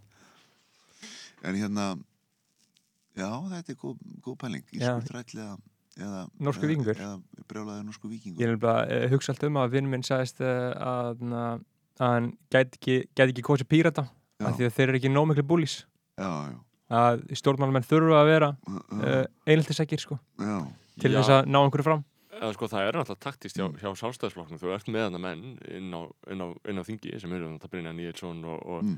og bara svona, sem eru bara, þú veist, og, og fleiri, sem eru bara bókstala officially leiðilegir karlar, veist, og þeir eru bara erfiðir, skilur, Mm. þeir eru bara, þeir bara, þeir fokkaði bara upp ef þú ert, veist, það þarf bara að vera mjög harður í hotna taka þarna, Mm. og þeir eru svo góðir það er svo gott að hafa það, þú veist bara ætla, mætir svo mikill mótstöðu ef þú ferð gegn þessu, Mm. og það er líka svona, þetta er ekki bara svona pólitíst í stóru myndinni, eitthvað svona hægri vinstri heldur þetta bara, hvaða fólk er þarna og er það nógu miklu búllís, er það, er það nógu ákveði skilur, er það nógu harðort og, og trekt í taumi, skilur ég held að það skipti miklu máli í pólitík líka, sko. Bara Þetta er- fólki sjálft. Ég þetta er um svona verði ta- talandi um Trump sem nýja tegunda stjórnmálumanni sem Já. heldur betur en nú búli búli hana uh, mér finnst sko það sem ég finnst svona eftir á mest interessant með það að þarna ertu með stjórnmálumann sem bara talar inn í sín eigin hóp. Mhm. og, og hann gerir ekki það sem góður stjórnmálumæður er sagður eigi alltaf að gera tala líka svona, tengja miðjuna, samina tala inn í anstæðingana Mhm. og þetta er svona þetta, þetta þema um svíkin við leiðtóð okkar sem byrjar þegar hann er alveg að ná fylgi þú veist, að byrja svona að reyna að tegja sig og opna sig til þess að ná meira fylgi skilur og þá er svona þú veist, þurfum við svona, uh, svona fyrirgjónum skilur ok, hann er að reyna að ná því sko, en hann er samt með okkur og þessi, þessi hugmynd sko og, og hann fer þvert á þessa hugmynd og næri svona rosalegum árangri. Ég meina það hefur bara einn annar fengið meira fylgi en hann. Já, veist, hann Í- bara í vefnvataningum og það er bætin og, og mér finnst þetta interessant sko að, að ef það væri til stjórnmálumæður sem þyrði á Íslandi að fa- fara þessari án að vera bulli en talaði bara ofan í sinnhóp þess að talaði fyrir sinni narratífu bara að reynda að dálega fólkinni í sína narratífu. Mér getum við sagt hún hérna Solveig Anna mm. tala svona sem verkefliðsleitu og verkefliðsfólking að gera þetta er minn hópur, þetta er fólki sem ég veri hagsmuninni og ég skilgrinni heimið þannig. Og ég ætla ekki að reyna að tala ykkur til skilur og reyna að fá ykkur til að vera ekki hrætta við mig verið hrætt við mig, og, og hérna og ég held að þetta sé svona, þetta er náttúrulega gæti orðið polarisering, það er eitthvað heiðarlegt við þetta á einhvern undarlegan átt já, já, já, þetta er, Já. Þetta er minni, þetta er minni svona stjórnmálamaður í þessu já, skilur. já, og Trump náttúrulega bara það, það er bara, þú veist, ef að, ef að COVID hefði ekki komið þá væri útilokað, Já. hann hefði ekki rústað þessu sko. já heldur dísi skal pæli því að það hefði Mhm. þurft til Já, 100% og ég meina og eins sko hefði, uh, hefði Bernie unni Biden þá Já. hefðu Biden, demokratanir, þeir vilja Trump frekar en Bernie, miklu frekar sko. er það ég- andskot já, ég held það sko. ég, ég held það sko. um að ég finnst bara sárast er að sjá þetta svo kallega republikana flokkin skilur mm, þetta fu- fólk skuli standa bara í fylgdu liði með svona fávita. Mm. og það er helmingur þegar, atkvæði bara, bara það manna skuli kjósan. Mm, Vist, ég bara, ég hef enga trú, ég vil bara aldrei koma til bandaríkina ég Nei, bara, sko, ég- ég er ekki að koma ánga En ég held að, ég held að þetta sé sem bara, við vorum að tölum um það hérna einhvern þættum daginn, ég held að þetta sé bara lýsandi fyrir, fyrir þetta algjöra hruna og trösti á stjórnmálum, þú Mhm. veist, þú hætti bara alveg að treysta kerfinu og, þá- og þá kemur ykkur sem segir náttúrulega að hann sé það ekki og, og svo framvegis, en hann gerir það með svona gríðarlega samfærandi hætti, skilur, mm. Já, og þá er, þá er þetta bara komið, sko, af því að vantröstið er svo mikið, ég, og þú veist líka ekkert hvað þau eru að sjá það er líka máli, þú Já. veist ekkert hvað þau haldum Trump, þau haldum Trump eitthvað allt annað, þau veit einhverja allt aðra staðarindir um hann já, sko. Þau eru fítuð á allt öðrum upplýsingum Já, þau eru með algoritmann sem að bara Já. þjónaði mjög vel sko. Já. og eins með, þú veist, Bernie, plani hans var alltaf að fá fólkið sem var svona semi á Trump sem Já. myndi aldrei kjósa Biden eða eða Clinton eða Já. ógeðslega demokrata establishment. Bernie þurfti að ná þeim og hann hefði kannski getið gert það en þú veist, það hefði líka verið rosalega sorgleitt ég menn, ímyndu ykkur ef að Bernie hefði orðið fórseti hvað væri sorgleitt að þurfa að sjá hann gera allt hann það er svona sko- al algjör svona stjórn, stjórnmála hetja en, en það er líka svo interessant það er það sem bandaríkjumannu verðist vanta í umræðuna þeim vantar narratífu sem er sko sósialisti verkefliðsbarata það er bara, menn bara er alltaf að afsaka það Mhm. einhver sé sósialisti Já. og þeir á bara, og verkefliðsbarata er bara náttúrulega svo glæpsanlegt Já, sko, meðan þau verk, einu verkefliðsfjörnum sem eftir er í bandingum, þau eru meira og minna stjórnað af einhverju mafíu, Mhm. þú veist, og þetta er svo sorglega, það er eins og þetta tæki, þessi, skilur, Mhm. til að ná fram einhverju samningsstöðu, það er bara einhvern veginn horfið já, og þeir eru í vandræði með þetta. Þeir, Já. þe- þetta, það er svo það vantar einhvern veginn og það þarf að tala upp þetta, þessa Já. hugmynd. enda er þetta líka, skilur, bara verkalýsfélög og verkalýsbarata sem, sem konsept er systematískt, það er systematískt grafið undan þessu bara í, í Já. uh, allir bandarísku umræðu, skilur, það er bara mikil, mikil peningar og mikil orka sett í það að grafa undan hugmyndinu um bara verkalýsbaratu já, og ekki síst þá bara sósælisma, ég manni mitt þegar Biden þurfti að segja, skilur bara nei, nei, nei, þetta er alls ekki sko sósælist Já. helbriðisplan og þú er að taka bara- sérstaklega fram að ætla ekki að banna fracking. Já, einmitt. En, en sko, en sí- síðan hugsa maður líka með, þú veist, Biden og ég hugsaði svona andað lettar út af uh, þessum, þessu loftslagselementi uh, og maður ímynda sér að það muni skipta einhverju máli, hann segja þarna en ekki Trump, skiljaði, Trump Já. er náttúrulega er, er, er fasisti, en þú veist, með loftslagsmálin, skilur, hvað gerist þar? Og, og, og uh, hvort að bandaríkin muni einhvern veginn leggja eitthvað raunverulega mörgum þar, hvort að við séum sem Íslendingar að gera það, skilur, Mm. það er mjög auðvelt að samfara mig, finnst mér, eins og bara Kata skrifa einhver grein í mokkan um að þau séu búin að taka þrjú stór skref já, og þetta er að sé alltaf réttir leið núna skilur, hvernig samfaraði ykkur, hvernig, hvernig kemur yk- ykkur fyrir sjónir það sem stjórnvöld er að gera almennt í loftasmálum Sko ég er náttúrulega svo fullu trúnatrös en, en hérna ég var grindur einmitt fyrir það á rauðaborðinu að- að vera gleipa við þessu og hérna en, en hérna fyrir að trúa greininu sem kattaskjöður Já. já, já. ég, og, og, og, og, og ég meina þau eru núna lýsaði yfir alltaf að fara 55% Já. og ég sé að það er, það er komið fjármagn í þessar framkvæmdir Mhm. og, og hérna og þú veist, þannig að mér finnst þarna og ég ímyndaði mér allt innu í því samingi þegar þetta var kynnt, þetta stóra lofslagsverkefni rík, ríkstjórnar þá svona fór ég að skilja ég gætt fyrirgift yfir allt innu allt þetta sem þau hafa kynnt vinstrigrænir Mhm. sem er nú heldur betur mikil pakki sko, þau eru búin að kíkja ansi miklum skýt Mm. að það væri þá fyrir þetta sko Já. og, og, og Bjarni Ben og sjálfstæðarflokknum væri þá allavega að kíkja þessu sko Mhm. um, en svo er þetta að tala niður sko, ég meina þetta er náttúrulega eins og allt er sko. Þetta er sem sagt þetta er náttúrulega eitt að tala og eitt að gera. En, en sko ég tala fyrir því og þess að minna, við sem einstaklingar erum svo vannmáttu í lofslagsmálum, við erum svo miklu neytendur og við erum svo háð umhverju okkar. Það þarf ríkisvaldið til þess að búa til ramman banna hluti, fyrirgefið. Ég bara- Samanlega, það þarf bara, það Já. þarf það ég maður fyrir nokkrum árum var ég bara að leggja akkur bönnum við ekki var bara easy peasy að banna plastboka Mhm. og það var rosa tregða við það, þetta er bara ekkert vandamál. Nei. og þú veist átlettið voru bara, þú veist þessi stórmarkaðir.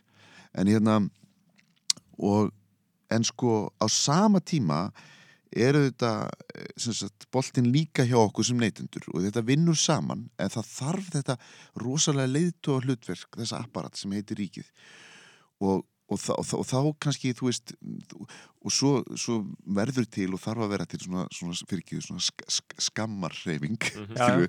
að maður bara skammi sín fyrir að eiga á stóran veist, af Mhm. hverju átt þú svona stóran jeppa? Til hvers? til hvers? Er þetta við nota henni eða til hvers? Er þetta bara show off? innan bæjar Já, og byrju, af hverju eru þið að fara til útlanda svona mikið, skilur ja. þú veist, ég meina þegar þú flýgur til Evrópu og tilbaka aftur og Mhm. skilur eftir hest, sko, Mhm. hálf tonn af karbóni, Mhm. þannig að ef ég gera það þá þarf ég að planta trjám, skilur við Mhm. þá þarf ég að konungsjafna, annarkvært gerir ég það sjálfur eða eitthvað, og ég meina, og þannig eru félagsamtök, þannig að það, það, þetta þarf að vera innbyggt, þannig að fólk getur líka, veist það mun líka taka þessa ábyrð á sér en ég meina við þurfum fucking shit ríkisvald það segir bara, þetta er hérna þetta er óvinnsælt, þú veist kjósi mig og ég mun sjá til þess að fá þið minna af öllu Já. Mhm. en það sem þið fáið það mun kannski endast skilur, og það, ég er búin að bjóða þeim það í tveimur ræðum hérna, held hérna ræði fyrir Norrlandaþingið og, og Evrópaþingið því ég tók þar við verðinu Mm. þar sem ég er reynda að hérna, gera þennan pakka sexy Mhm. fyrir stjórnmálum það gerir ekki neitt já. Já, segja, Já, ég kjósið mig þessi, og ég mun sjá til þess að fóði minna öllu, fóði minna dót, og minni ferðar og minni, minna kjött en það sem svo á hann að bæti eitthvað í og segja, en það sem getur fengið meiri menningu, meiri ljóð, meiri dans, meiri kynlíf, meiri samvera Já. þú veist, kasta inn sex inn í þetta Já, já. sexa Já. þetta þessu upp Já, já. þú veist, þannig að já, og við erum meira svona neita og meira bara svona að ríða og og ljóð og dans og Já. eitthvað svona en, ah, já, já mér svo fyndið, En- ég var að ég var að hlusta á, ég var að hlusta á Rúf það var þáttur núna Rúf að, sem var sko frá Indrið að gefa þorstensinni það sem fórum allt út af húsið 1970 eða eitthvað Já. og það var hann að segja sko að var banna að auglýsa í útvarpinu dans þú máttir bara segja, þú þurftir að segja skemmtun þú máttir ekki segja, þú máttir ekki auglýsa dans já, dans Í útvarpinu. já. bara þú veist að þeir dans var náttúrulega líka á tímambili bannaði sko en þetta var bara 1900 ennþá það var bara 1950-60 eða eitthvað þá það, þau áttur að auðlýsa böll Þá varst að segja skemmtun í félagsheimili máttur ekki segja dans, dans, dansleikur. Já. því að dansinu var ennþá svona það var svona eitthvað sexuál tótni í því. já, já. Hér, hér hefur náttúrulega lauslæti og lausung. Já. Hér, náttúrulega, hér á landi hefur kerfisbundi verið unnið já. gegn skemmtun alþjóðunar í áratví En veit ég hvað er merkilegt, það er hérna maðurinn sem, síðast, síslumæður sem bannar síðasta dansin hann í Haugadal, hann á Jöfra eða hvað sem það er. Hann er bróður Arna Magnússon Jón Magnússon mm. og var sjálfur marg dæmdur fyrir svona hór, skilur þú? Já, já. fyrir gefið og misti í sig Mhm. eitthvað Já. og þarna er sagt að komið 30 börn undir eh, segja sumarheimildir síðasta Í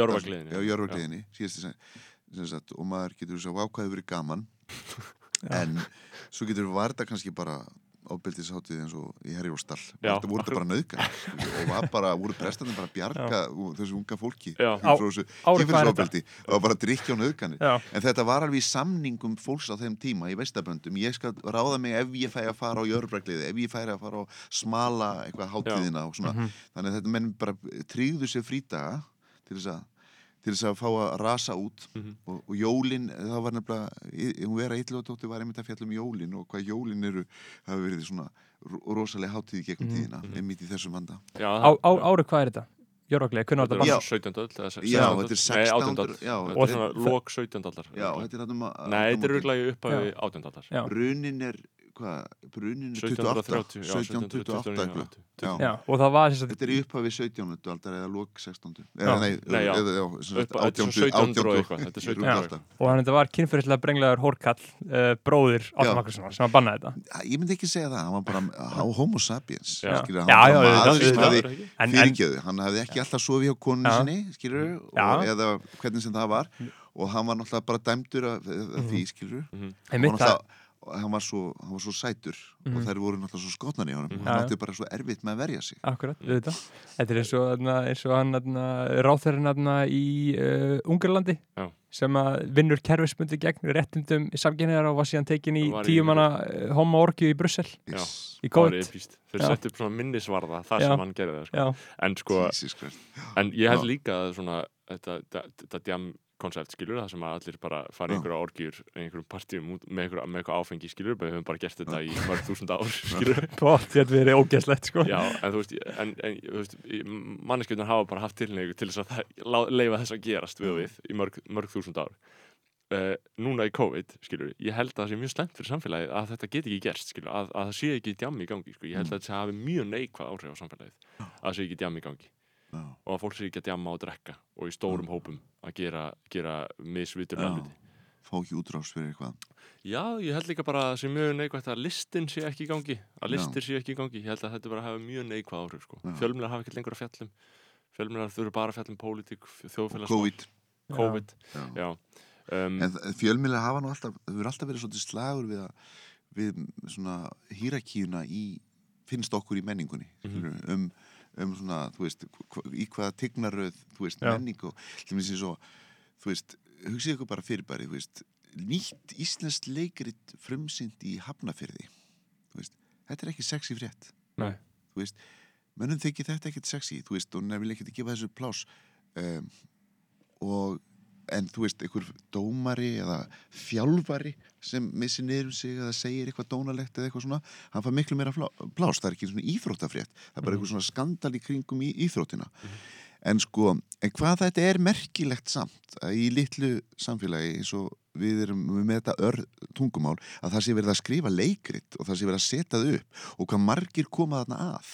Og það eru samfélagin og fullt af einstaklingum sem hafa fjárfest í því og það er settur upp á síðu sjónleikur og hann er kannski á atvinnu leveli og þú veist, og þetta er náttúrulega bara lítið hugverk sem er þarna til. Að, að, að, að mönnum þykir þetta svo ósí sexy frétt, skilur það segir mann alltaf um líka um, um fréttamennina og, og hvaða heimið og hverju, hvaða búblu þeir eru. Já. og ég vil meina það á einhverjum svona ástæðum hafi búblan í fréttamennsku verið svona ekki, ekki alltaf svona meirilutin þar mjög menningarlegur skilur það hefur þurft að berjast fyrir það eru fréttamenn sem var fræðið þurfa að berjast fyrir menningarumfjöllun á blöðunum og, þú veist, og eins og hérna, dag, hérna því blaði sem hétt hérna, í morgunblæðinu sem hétt lesbók morgunblæðsins og ég mann mér að sko leikúsin á tímabili voru náttúrulega borguð alveg rosalega fjármunni í, leiku, í auglýsingar hvenar sýningarna voru skilur Mhm. og, og það, það var alveg rosalega uppæð og, þar, og það var blamaður sem ég held að tókst að sína fram á það og segja, heyrðu, þetta eru auglýsingartekjurnar sem þeir að hafa þú, þú veist, þið verðið að þó að fjalla um þetta og gatt sem bent á þessar auglýsingartekjur til þess að auka umfjöllun um Já. leikús í blaðinu þú veist, það þurfti jáfnvel svona efnaðas sko, leikið Já, en Mhm. maður spyrir sér líka, þú veist, að því að, að, því að ég, ég hef sjálfur verið í blaðinu, sko, maður er alltaf að spyrja sig um, um áhuga fólks. Já. Eh, þú veist, blaðmaðurinn þarf náttúrulega líka bara að segja frá því sem fólki finnst áhugavert. Já, Og það er alltaf spurning um hvað trekkir að, skilur, nýtt, eins og þú segir, þetta, er, þetta er ekki nægilega sexy frétt, þú veist. Uh, En veistu hvað margir, veistu hvað við seljum marga leikús með ári? Mhm. Þú veist, við, við seljum meir en 400.000 leikusmiða þegar allt er talið með. Er þetta svona ógslag mikið? ég meina þetta er geðveiki, þetta er Já. heimsmet. Mhm. við seljum næst tvo miða per þú veist, hérna, eh, ekki alveg en skilur En per fullorinn allan og þú veist, og, og þú berði þetta saman við eitthvað annað, til dæmis eins og segjum til dæmis handbolti, þá er verið að leggja hvað kom margir á handboltaleiki á Íslandi? Koma í fysiskt á handboltaleiki hvað kom margir í galleri og listasöfnum á Íslandi, miklu fleiri heldur bara á handboltaleiki. Já, ok, Já. handbolti er náttúrulega kannski þá sjónvarsneisla í gegnum Mhm. hann, skilur Já, og þetta er þá sjónvarpið sem er átbútið en fólk samt fysiskt mætir. Já, og þú veist, og, og borgar. Og það sem, sem við viljum meina að, að áhugin er miklu meiri. Það er miklu meiri, þú veist, þú bara sér traffíkina í gegnum leikusið ég meina, þú veist eh, hérna ég, ég vil meina að það sé menningar kimi sem heitir fjölmiðlafólk og það sé bara ekki, þú veist það sé bara ótengt Já. hérna, öðrum menningarkima Já. sem heitir menningarfólk já, já. og er faktisk bara stærri En, en en, ég, ég get uh, tengt mikið við þetta því ég, ég etna, hugsa mikið um rapptónlist og íslenskt rapp og það er bara óumdeilanlegt vinsalasta tónlistefna á Já. Íslandi Já. og bara þessi strákar sem eru það eru Já. bara svona menningarhetjur uh, unga fólksins, nútímans Íslensku fjölmjörnum er svo gjörsamlega drullu sama, bara algjörlega skýt sama Þa, það er ekki fjalla um neitt, til dæmis Herran Netusmjör, tökum hann sem dæmi Já. bara vinsælasti tónlistamæður á Íslandi Já. bara allan á topp 5 hann gefur út núna plötu í haust gáði plötu einhvern veginn í september. Já. uh, slæm tímasetning, COVID veist, það, uh, það leiðir alltaf að gefa plötu þess að hann gæti ekki spilað en eitt svoleiðis. Síðan gefur hann út æfisögu núna í desember. 24 ára, skilur bara ung, yngsti Íslandingur til að gefa út æfisögu Já. hvað finnst þú rúfum þetta? þeim er fokkin drullu sama. Bara, það, það kvarlar ekki að þeim að gera eitthvað svona ég veit ekki, menningin eða kastlust eða þú veist, Eitthvað e- prófíl já, á honum profíl eða eitthvað En veistu það, ég fæ, núna fæ ég bara sko, ég fæ bara hérna gæsa húð, Já. ég verð svo reyður Já. Ég skal segja ykkur hvað, þú veist, hvað mér finnst Svo hérna kemur þetta Já. Þú veist, ég, mér finnst það þurfa að breyta allri hýrakju í menningu á Í- Íslandi í dag Já. Þú veist, við, erum í, við erum í lífsbarötu og líf og dauða með ör tungumál Mhm. Og það sem við gerst er að miðjan í menningu okkar er horfin. Nýja kynnslóðin, hún er ekkert að horfa á rúf eða krakka útvarpið eða, eða slíkt. Hún er að leika sér á YouTube og. TikTok og, og, og erlendum podcastum. Það er að segja það er, er ekkert sem samin okkur. Og, og, og, og þetta fólk er og, og ég meina og, það er að verða slást við læsi þessa aldurshóps. Mhm. hvað er eftir? Hvað er eftir það er herra netusmjör Já. það eru rappararnir í dag Mhm. það eru söngvaskáldin, það eru Mhm. unga fólkið sem er að yrkja á íslensku og er að finna leiðina Mhm. til hjartarsins á íslenskri tungu þessar hendingar þetta fólk er að flytja tungumálið Já. inn í hjartað á nýju kynsluðinu þegar nú þurfur að leika sig við það Já. og það er þetta fólk sem á að fá fálkaorðuna í bara bönum Já, já. og það á að milja undir þetta fólk Mhm. og það, eiga, það á að borga þessu fólki peninga bara fyrir að fyrir að til í alvöru þetta er hýrakja nummer Mhm. 1, 2 og 3 Já. þú veist, kvikmyndagerð, vitið það krakkar þú veist, hún er ekki, nær ekki máli í íslensk kvikmyndagerð með að við rapparana og söngvaskáldin Mhm. Já. þú veist, ef þú ert að tala um áhrif kvikmyndagerða á, á tungumál og viðhald tungumálsins, Mhm. þú veist hún er ekki svona hátt í, og ekki eins og í leikúsið þegar það er ekki að fara þarna, og ekki með eins og skáldsögurnar, það eru rapparatnir Mhm. þú veist, þó þau séu að tala um eitulega neyslu sína og kynlífsreynslu sína takk, þeir eru að gera það á íslensku Já, skilur En- og allt þetta og við, það er bara, það er bara að vera með sérst okkur deild í ráðunettinu þarna finnst mér að við, það er að raskjalla Já. ríkisútvarpið fyrir að taka ekki þessa rappmenningu. Þeim, Og- þeim er drull eða, þú veist, og við skulum gera það núna ég ætla, Já. núna, ég ætla að ímynda mér ég hefi hérna rassin á já. og ég ætla að hóða hérna fyrir raskat fyrir að þekki ekki sín vitund en, en síðan er það svo gott dæmi hvað við búum í miklum uh, síðkapitalisma að öll þessi menning, íslensk rappmenning reyði sig algjörlega á sænst stór tækni fyrirtæki sem er ekki með deilt hérna á Íslandi. Og er aðrænir þá. Já, arðrænið á, tekur allan peningin að þeim og síðan er þetta þetta er svo, hvernig Spotify á Íslandi virkar. Já. það er um það byl 100.000 Íslandingar á Spotify, eitthvað í kringu það. Já, pæli í hvað það er ógeðslega mikið. Það er bara já, eins og Ari Aldjóðan segir per capita, bara örgulega langmest í heiminum. Já. en þeir eru ekki með deilt hér á Íslandi já, sem að þýðir að þegar þú gefur út lag þá ert að pitcha þig inn til Spotify til þess að þannig að kemur út þá ferða inn á It's Hits Iceland og New Music Friday og allt svona og leikurinn snýst bara um það að halda læginu í Iceland Top 50 Já. sem að eru 40 manns sem að fylgja, það, fylgja þeim playlista og sjá hvað er vinsalt þannig að ef lægið er í 5. sæti Já. þá færi það 3000 auka spilanir bara fyrir að vera það. Þannig að þetta er rauninni svona, Mm.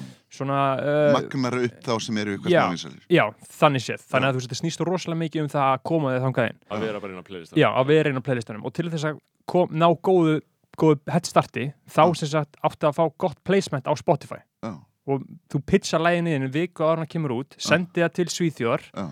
ekkert hver er að fokkin vinna þar. Engin að hlusta. Engin, þau, þau, þau skilja ekki íslensku. þau skilja ekki íslensku.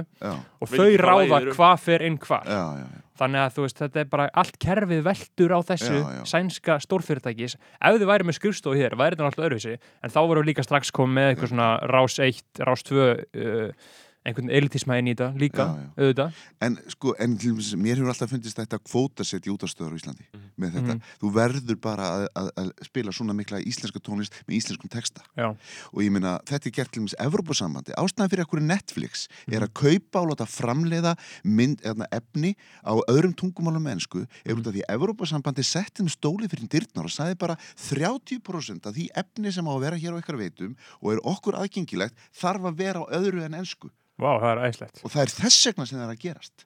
vá, það er það? aftur ríkisvald, já. Já.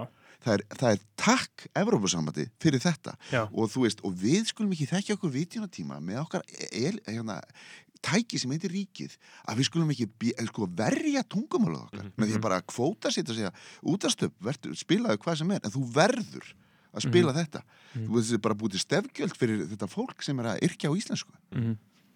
Einmitt, ok, ég er nefnilega alltaf að hugsa um sko, Netflix alltaf verið sáttu með það að þótt að þessi bara, þú veist að allir horfa bara á hvað sem er hvað sem vilt á Netflix, þú bara kveikjur á því og allt svona þeir- voru kvótasettir af, af Evrópusambandi já, ég vissi það ekki, það er veit, ég veit vissi ekki að það væri þannig en sko, einmitt, ég er alveg samanlegaði með rappið af því að eins og, eins og við vorum að tala um bara inn í þettum daginn það var, það var þessi einhver, einhver úlingstrákur hérna sem vann rýmnaflæði um daginn Já. og með eitthvað svona smá gott koncept í gangi með, þetta- með þetta lag og er bara að rappa á íslensku og er bara að djóka eitthvað og ég þekki nokkar fanta sem drekka fanta og tala um fyrstu dagsfélaga og Já. ég, bara mjög gott stöf þannig séð.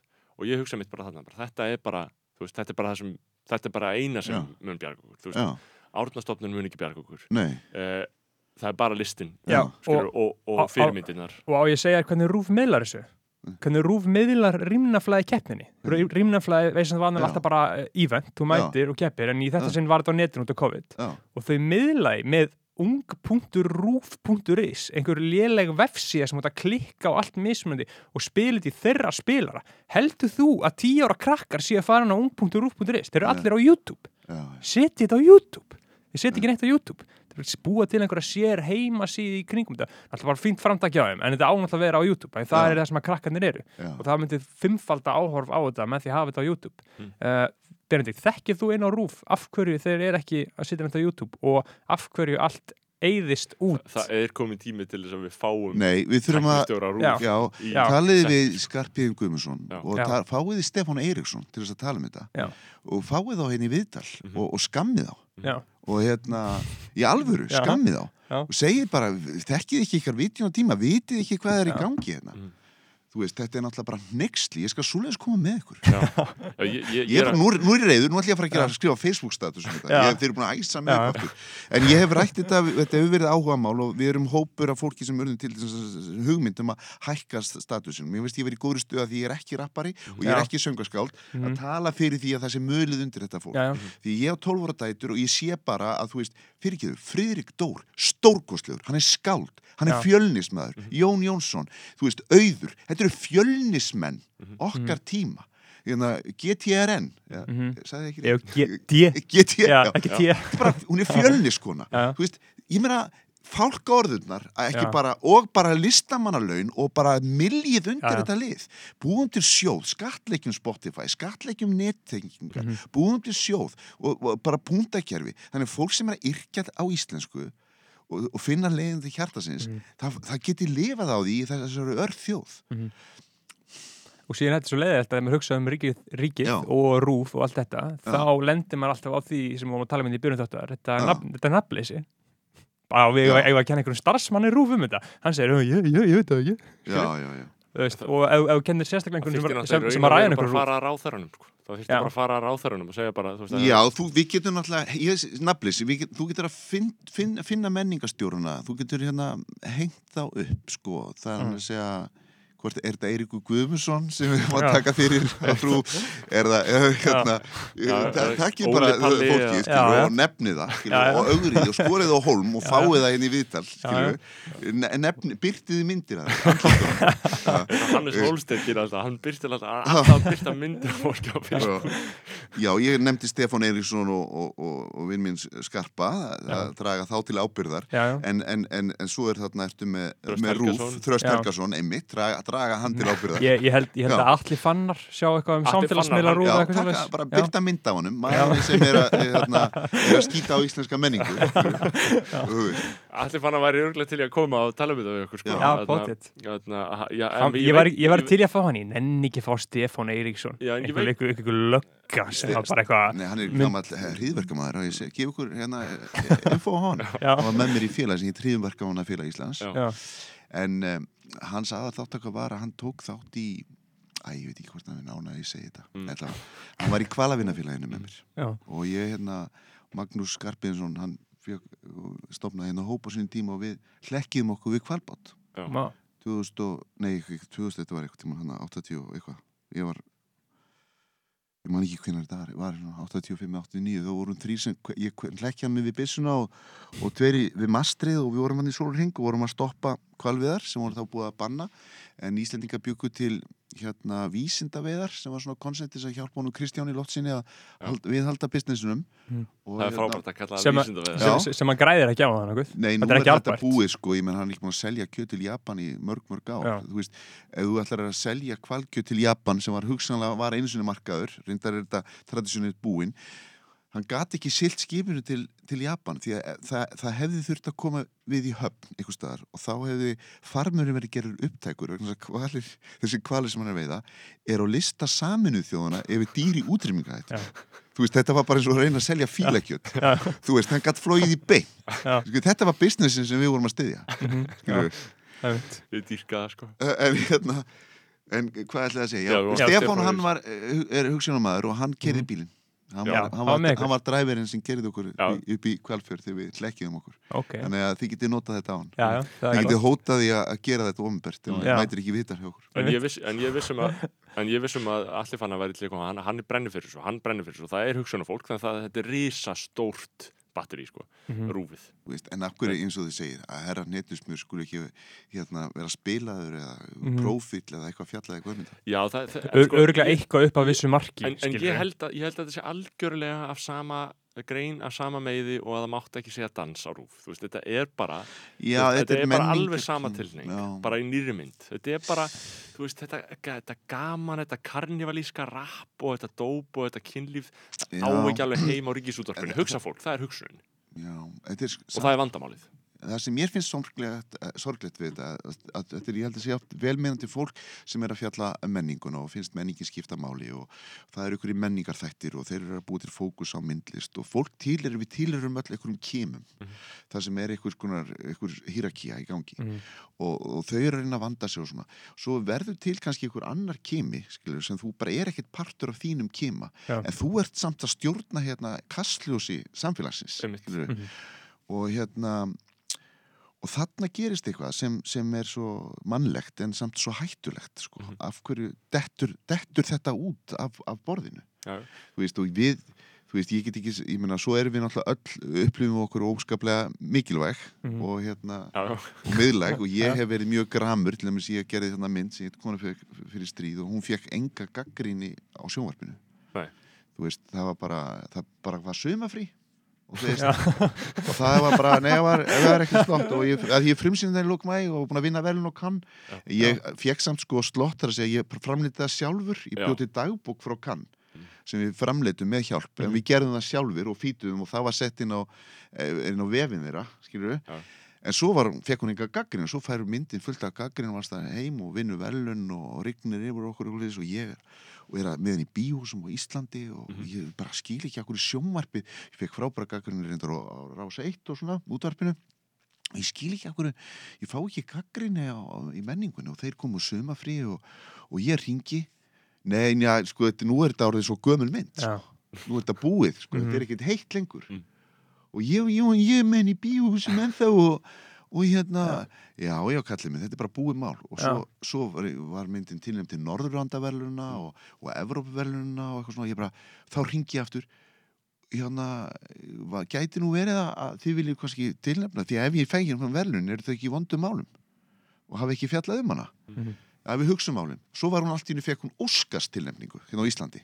Mhm. þá var allt í hennu þetta fjallum hana, en það var samt ekki tími þannig að því var skotið inn í annars slott, það var semst gaggríni um leikús, frábæra leiksýningu og gaggrínandinn, Hlín Agnarsdóttir hún fjallaði um þessa leiksýningu í sjö mínútur og svo kom hann, já, og svo var hann þessi íslenska mynd kona fyrir stríð, já, og hún talaði um hann í eina og halva mínút, Mm. skilju Mm. ég mældi þetta, af því ég var að það en þetta var litla slotti sem ég fekk inn í öðru, Já. skilju og hérna, ég er náttúrulega ég er, ég er ennþá að reyna að jafna mig eftir þetta. Já, En, en, ég, en, ég, en en mér finnst mjög gott að tala um fjölmjöla sem menningakíma sko, af því Já. að ég, ég, ég er inn í þessu menningakíma og Já. ég tengi mjög vel við þetta þetta er svona, þetta Mhm. er bara menningakími en það er náttúrulega, þú veist, það er algjörlega ekki það sem fjölmjöla fólk á að vera, sko. Já, en þú veist, svona að míti að verði þú veist, eitthvað svona, eitthvað, eitthvað fyrirbæri sem líka fjallar um sjálft sig, Já. við erum alltaf að fá fjölmjöla fólk í viðtöl hingað, oh, veist, og sjá núna ammali rúf nú verður þið alveg, er sjálfsfrún í gangi sko, bara að verða að fjalla um sig og, og, og endalust En ég er einmitt, ég er einmitt, þú veist, ég, þetta er gott inspo fyrir mig, ég er einmitt að fara á rúf bara á mánudaginn að, og það sem ég á að segja eitthvað um stöðu rúf, núna er ég komið með mjög marga, mjög góða punkta, sko, Já, til þess að hrauna yfir þau, sko. Og það er svo gott að það má af því Já. það er ekki svo, þú veist, ef við myndum væri á stöð 2 eða eitthvað, drullið við þau fyrir bara að vera með auðvitað að sveppa og Pétur Jóhann eða eitthvað, skilur maður á bara að vera svolítið svona, já ok, það næst allan að sé að gera eitthvað, skilur, þú veist. Maður vil ekki vera leiðileg við þau, já, já. en þannig að Já, maður vill heldur ekki fara, maður er svo hrættu að fara í sko anti-rúfkórin. Já, já, skilurðu. já, Ma, maður vill ekki vera þar en maður er samt að því þetta er svo mikilvægt kastljóst Mhm. þá verður maður svo sár já, já, og, en- og, og, ég, og ég, allt sem ég segi um rúf er, er vegna þess að ég vil veg já, rúf já, sem mestan, sko. já. Mhm. Um, en þannig að varðveisla, kvikmynda hvernig, hvernig hugsaðu það, um þínum eigin bíómyndum, hvernig gæti ég hort á Kona fyrir stríð eða Já, þú getur séðan á Viaplay, hérna Já. konu fyrir stríð, en Rossi Oss held ég að sé bara svolítið vandamál með það. Ég, ég þarf að gera eitthvað í því. Það er bara liggur hjá mér held ég nú árið, en sko samningarnir renna út 2024 og þá get Mhm. ég á ég myndina sjálfsagt alveg og get se- seld við íslenska dreifaran, mm en ég held hún sé á votinu.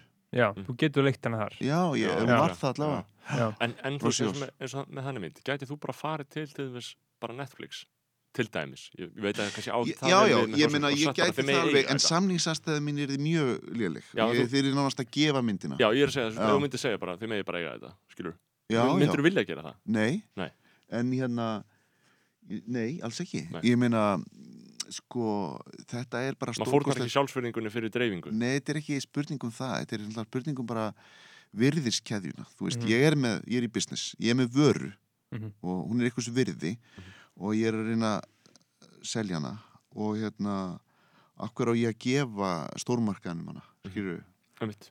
Já, akkurat. Þú veist, í, það gæti alveg komið að því að það, mér finnst það skipta máli, skilur Mhm. já, En ég held að Rossi og Oss hafi kannski eitthvað potensiál svona sem kvöldmynd svona þegar framlýða stundir og ætti að vera aðgengileg eitthvað stöðar.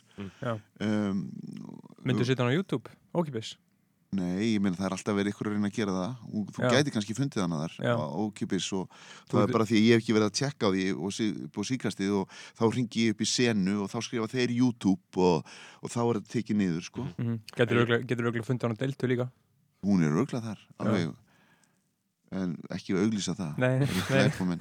við út En hérna, En hver ég- menn ekki, menn geta farið inn á votið og keift hana þar. Er kannski Mér renna sýndist einhverjar líka, þrjár krónur til mín. Já, mér er líka að, að kona fyrir stríð væri þarna, við eitthvað Google að hún væri inn á Arte, þísk-frönsku Já, já. stöðinni. já, Já, já, hún er búin að vera sína hana á arti og, og í Viaplay er hún búin að vera alveg bara, já, alltaf í minni, mínu þá er hann hæst, sko, hún með, bara alltaf vinsælasta Einmitt. myndin og dramamynd og gamamynd. Já, en það var líka Já. frábær mynd. Ég, Já, ég, mér fannst það frábær mynd, Já. uh, kona fyrir stríð. Uh, ég man ekki í hvað aðstæðum ég sá hann, ég held ég hafi jafnvel verið á frumsýningunni. Já, Á, á Íslandi. Já. Já, Óskulbjó. Já. En þar eins, sem þú en, varst líka. en, en, eins og hún mynd, við hún dæmi, uh, hún kom út 2018 eða ekki, Já. sumarið. Það er ekki 17 Uh, Já, 18. hvað þarna, þú ert leikstjóri Já. og ert það framlega líka?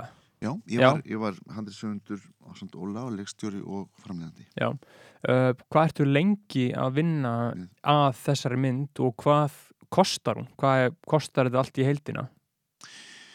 Uh, sko, minna budgeti allt hafi verið sko þrjár koma eitthvað miljónir. Mm. Um, Íslenska krónur? já, nei, ég er að minna þrjú hundruð. Já. Þrjú, þrjú, Já. þrjú, Já, bara þrjú, þrjú, þrjú, þrjú hundruð og Já. eitthvað, ég man þetta ekki alveg, uh, þrjú hundruð og eitthvað, þrjú, 40 miljónir eða eitthvað slíkt. Já. Og hvað kemur mikið frá uh, kvikmyndasjóði? Ég fekk mínistyrk frá Kjöndisöðu, ég fekk 65 miljónar styrk. Mm Um, Hvað finnst þér um kvikmyndasjóð? Uh, no comment Já. en hérna, ég hef verið þar í einhverju, svona, einhverju fristi meðferð Já. ég fengi, fengi svona mínistyrki Mhm. þaðan Já. um, og því þeir hafa ekki verið sáttir við svona framlegslu mótili mitt Mm. uh, Mm. hvernig ég vil framlega myndina Hvernig viltu framlega myndina? ja, því ég vil vera framlegandi sjálfur Mm -hmm. því ég vil eiga í myndunum Mhm. uh, en um, og þeir hafa ekki verið sáttir við það hvernig ég hef viljað stilla því upp Mhm. ég, ég, ég sé búin að ég sé búin að sanna það fyrir þeim að ég sé alvöru framlegandi Já. um, og en það kemur bara ljós en þá bara fer ég eitthvað annað Mm. Heldur að þú hefur fengið að líða fyrir það að, að hafa verið svona grínari? Hafa verið í fósbræðurum og eitthvað svoleiðis að þú hefur ekki verið tekinn alveg alvarlega? um, ég, Fyrir ég, það?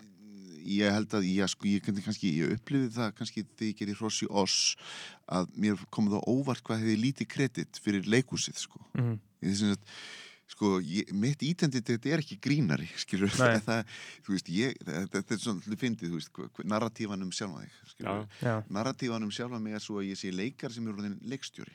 Sem sagt, og, og, og ég þegar ég kem og gerir Rossi Oss þá var ég með margar leikús success á bakinu skilur og í rauninni allt sem ég hafi gert hafi gengið mjög vel líka árandarlega sko. Mm.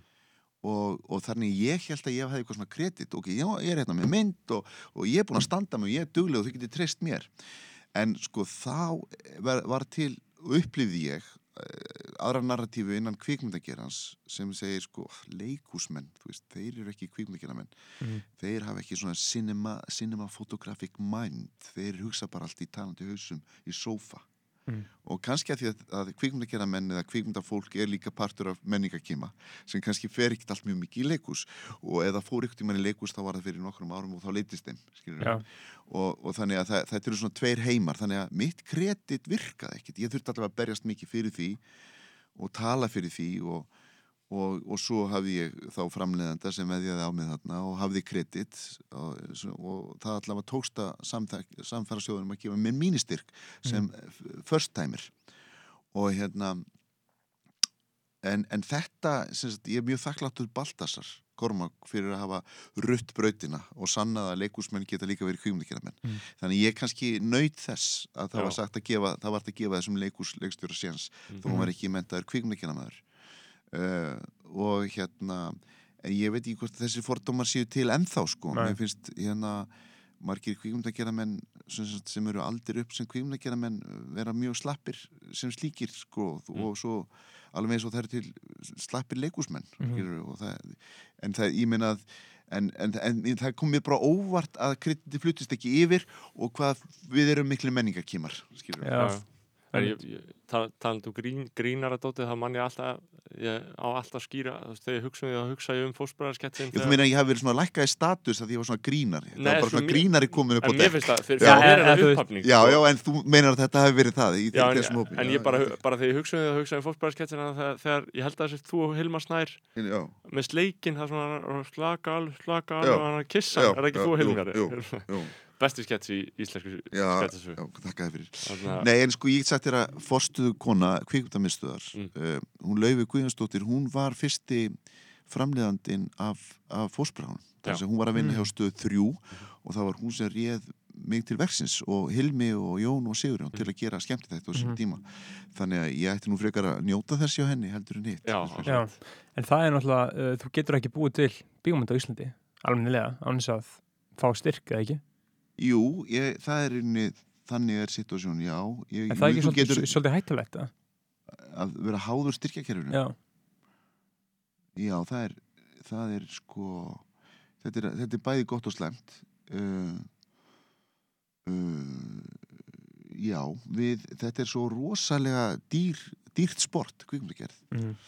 og hérna og hinn möguleikin sem er markasversjónin á þessu þar að segja ég fái fólk til að fjárfesta í þessu með enga peningum uh, það er svo mikil áhætta sérstaklega því þú ert að mi- kvikmynd sem er á örtungumáli mm. þú veist, ég geti alveg gert ennskumælandi myndir í dag og fjármagnaðar fullkomlega á, með prívat peningum Mhm. af því að ég er komið kredit Já. en fyrir ungan íslenska kvikmyndagerðamann sem ætlar að gera, þú veist, mynda á íslensku, þú veist Mhm. Þetta er alveg, það er eiginlega óhugsandi. Mhm. þannig að sko það er eiginlega óhugsandi að búa til kvikmyndina nema auðvitað af vanefnum og, Mhm. það, og fólk gerir það, fyrstu myndir. Það eru myndir sem fá sem eru gerðar hérna á Íslandi með bara blóð, svita og tárum og fjárfestingu þeirra sem er að gera þarna. En þú gerir það bara einu sinni Já, og, og, og þannig finnst, og það fólk finnst mér eiga að njóta þess næst þegar það kemur í kvikmyndasögu og beður um peninga, það hefur gert myndina og ég vona að það geri það. Mhm. En hérna en, um, en svona með, en svona með uh, leikhúsi, að þú ert að tala um það líka og munin á þessu uh, uh, framtíð leikhúsins líka uh, nema við séum ekki búin að tala um nema, nema að hafa verið að fara að segja eitthvað meira, meira gáulegt um kveikmyndasjóð ég var bara á- klukkunum við erum búin að tala Já, svo lengi að ég ekki Hún er, já, Já, við þurfum, við þurfum að fara að hætta. En framtíð leikhúsins en, Já. uh, talandi um kynnslóðabil talandi um rappið uh, YouTube uh, kynnslóð uh, ég veit ekki hvort hún sé að fara að, að tengja við leikhúsið eða hvort hún tengi við leikhúsið eða hvort að það muni gerast. Hvað heldur að gerist þar? Hvað heldur að, heldur að leikhúsið muni dala? eða þú veist, þú ert að segja þú ert að tala um þessar sturgluðu leikhúsneislu Íslendinga. Maður sér þetta ekki alveg beint, ég meina það er ekki eins og við förum mikið í leikhúsberð, þannig ég fer stundum í leikhús en, en ekki eitthvað mikið. Það, er- það er mjög svona one-off ef ég fyrir leikus sko. Já, sko það er svo stór hópur. Þetta er, þetta er hérna, þessi markhópur kallaðir kramhúskellingarnar og menninni þeirra. Já, mm, já. 40-60 Já, þetta eru konur er, og, ég meina, og, og þetta er það sem heldur upp í menningunni allstaðar í dag. Já. og þessi könnum að gera þetta fólk fer sko ekki fara bara upp, upp í sexinum ári í leikús Mhm. og ég meina það er þetta sem fólk sem er að neyta leikúsins og ég neyta því ekki því fyrir leikús sérstaklega síðustu síningar eða frumsýningar í þekkjamarka í salnum Mhm. en svo ertu með síningar sem alveg taka inn 100.000 áhundur og Já, hérna akkurat. Sko, málið er það að leikhúsið er mjög misjamt eins og eðlilegt er, eins og kvikmyndir eru misjamnar og stundum við sem leikhúsmenn við segjum sko bara eina hverjum tíu sýningum sem virkilega ná máli. En hún líka oft snerti mann þannig að maður, ma ma fær þrekki til þess að sjá aðrar mjög lélegar stundum. Já. en, en, hérna, en svo koma góð ár og, og, og mér finnst að það hafi margt verið mjög gott íslensku leikhúsi síðustu árin sko og flottar uh, framústefnulega sýningar sem mér finnst að hafa verið, verið inspirerandi Mhm. tala nú ekki um mína eigin sýningar Já. sem er náttúrulega en, hérna, en, en ég get alveg bara rosa mörgum kollegum mínum og svo er auðvitað alltaf fullt af ykkur sleppu sem manni finnst sko, Mhm. eða því að ég er alltaf fagmaður í bransanum og, og hrókafullur en en eh, sko en leikúsið er nefnilega geðveikur staður og ég held hann eigi eilíft líft, ég trúi því núna eftir þetta, vegna þess að þetta er staðurinn þar sem við sem hugrannar verur, kognitívar verur getum séð átök hugmyndin á narratífuna fyrir okkur þú veist, það það hann talaði, þetta er ekki bara eitthvað mustur íslenska tungu, þetta er vígvöllur vígvöllur hugssjóna og hugmynda á Mm. blóðsútellinga skilur, Mhm. þar sem við getum fatta hvað við erum geðveik. Það er eins og við séum sem samfélag og manneskjur sko, haldin geðkvarfa sjúkdómum sem, sem eru að rattirnar sem tala við okkur og í höstum á okkur. Og þegar við förum í leikhúsið þá stundum við sjáum við þessar rattir og við séum, aha, já, ymmið ég er á valdi þessar hugmyndar, hann er á valdi hinnar hugmyndar. Eða, þú veist, þannig að í leikhúsið er þetta plattform sem gerir þetta sýnilegt sko. og, og, og ég hérna og svo bara það, og kvikmyndin hún er svo ofsalega öflug og það er veikleik í kvikmyndarinnar þú svoast svo mikið inn í kvikmyndina. Þú verður svo mikið melodrama, þú dálir svo mikið þú fattar ekki það sem kvikmyndin er að segja. Þú sérði ekki stóra samikið fyrir kannski eftir á, skilur þú bara ferð inn í heiminn, skilur Mhm. og þú ert bara með einhverjum fjöldamóringja sem er svo sætur og sexy og hann drifur fullt af fólki og svo bara, ah, og hún er náð og þú bara heldur svo mikið með honum. Og fokk, nú þarf hann eða fangisi þú veist, þú fattar ekki hefur það verið að segja sögu um einhvern brjálaðan fjöldamóringja skilur, af Mhm. hverju er verið að segja sa- er einhver meining með því, hversin er sögumæðurinn að segja mér þessa sögu, skilur Mhm. og hérna, minni hætta þessu í leikhúsinu Já, það er, það hefur auðveldar og notar meira þess að við köllum hérna, horfið augun á áhörundunum Já, eða fjarrænun, ferfremdung skilur, Já. þú veist, Mhm. að maður skilji samengið um, en allavega já, þannig að ég hef, ég hef trú á leikursinu aftur Já, það er gott uh, einmitt, einmitt, þá bara fyrir það. þetta, fyrir að klára þetta en þarna, uh, þú er búin að gera tvær bíómyndir hvað, þarna, uh, hvað, hvað er næst? Og næsta hvað, sjónvarserja sem heitir Danska konan. Ok, uh, og uh, ég hérna get sagt, ég kom, kom, kom í annað viðtal um hana, þetta er sex þátt að serja já, sem ég mjög tekin hér á Íslandi og, gerist í fjölbýlisúsi svona öllundi sama þaki, fílingur. Mm, nema það er dönsk kona sem býr þarna sem tekur yfir blokkina. Af því hún er um, hún er uh, hún er siðblind en með Jésu komplex ok þannig að hún vil bjarga hjálp, hún er hjálpari.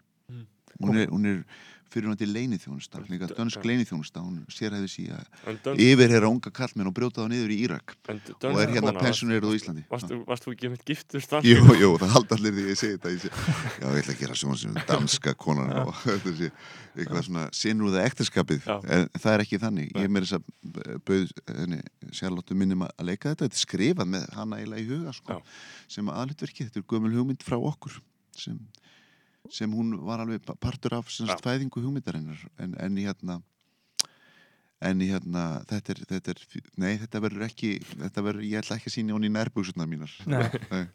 Og hven, hvenær fyrir þetta tökur? Þetta verður fórandi í ágúst. Næstari, Tök- Já, spennandi, frábært. Spennandi. og þarna, en já, þá held ég þessi bara komið okkur. Mjög gaman að Takk. tala við þig. Já, já frábært að fá þig. fyrir. Frábært að fá þig. Sömulegis, þetta var mjög gaman. Já. Bara og áfram hérna íslensk söngvaskáld algjörlega, Já. áfram. Já. í gegn, það- áfram, áfram íslensk podcast líka. Ég byrði ykkur áfram íslensku podcast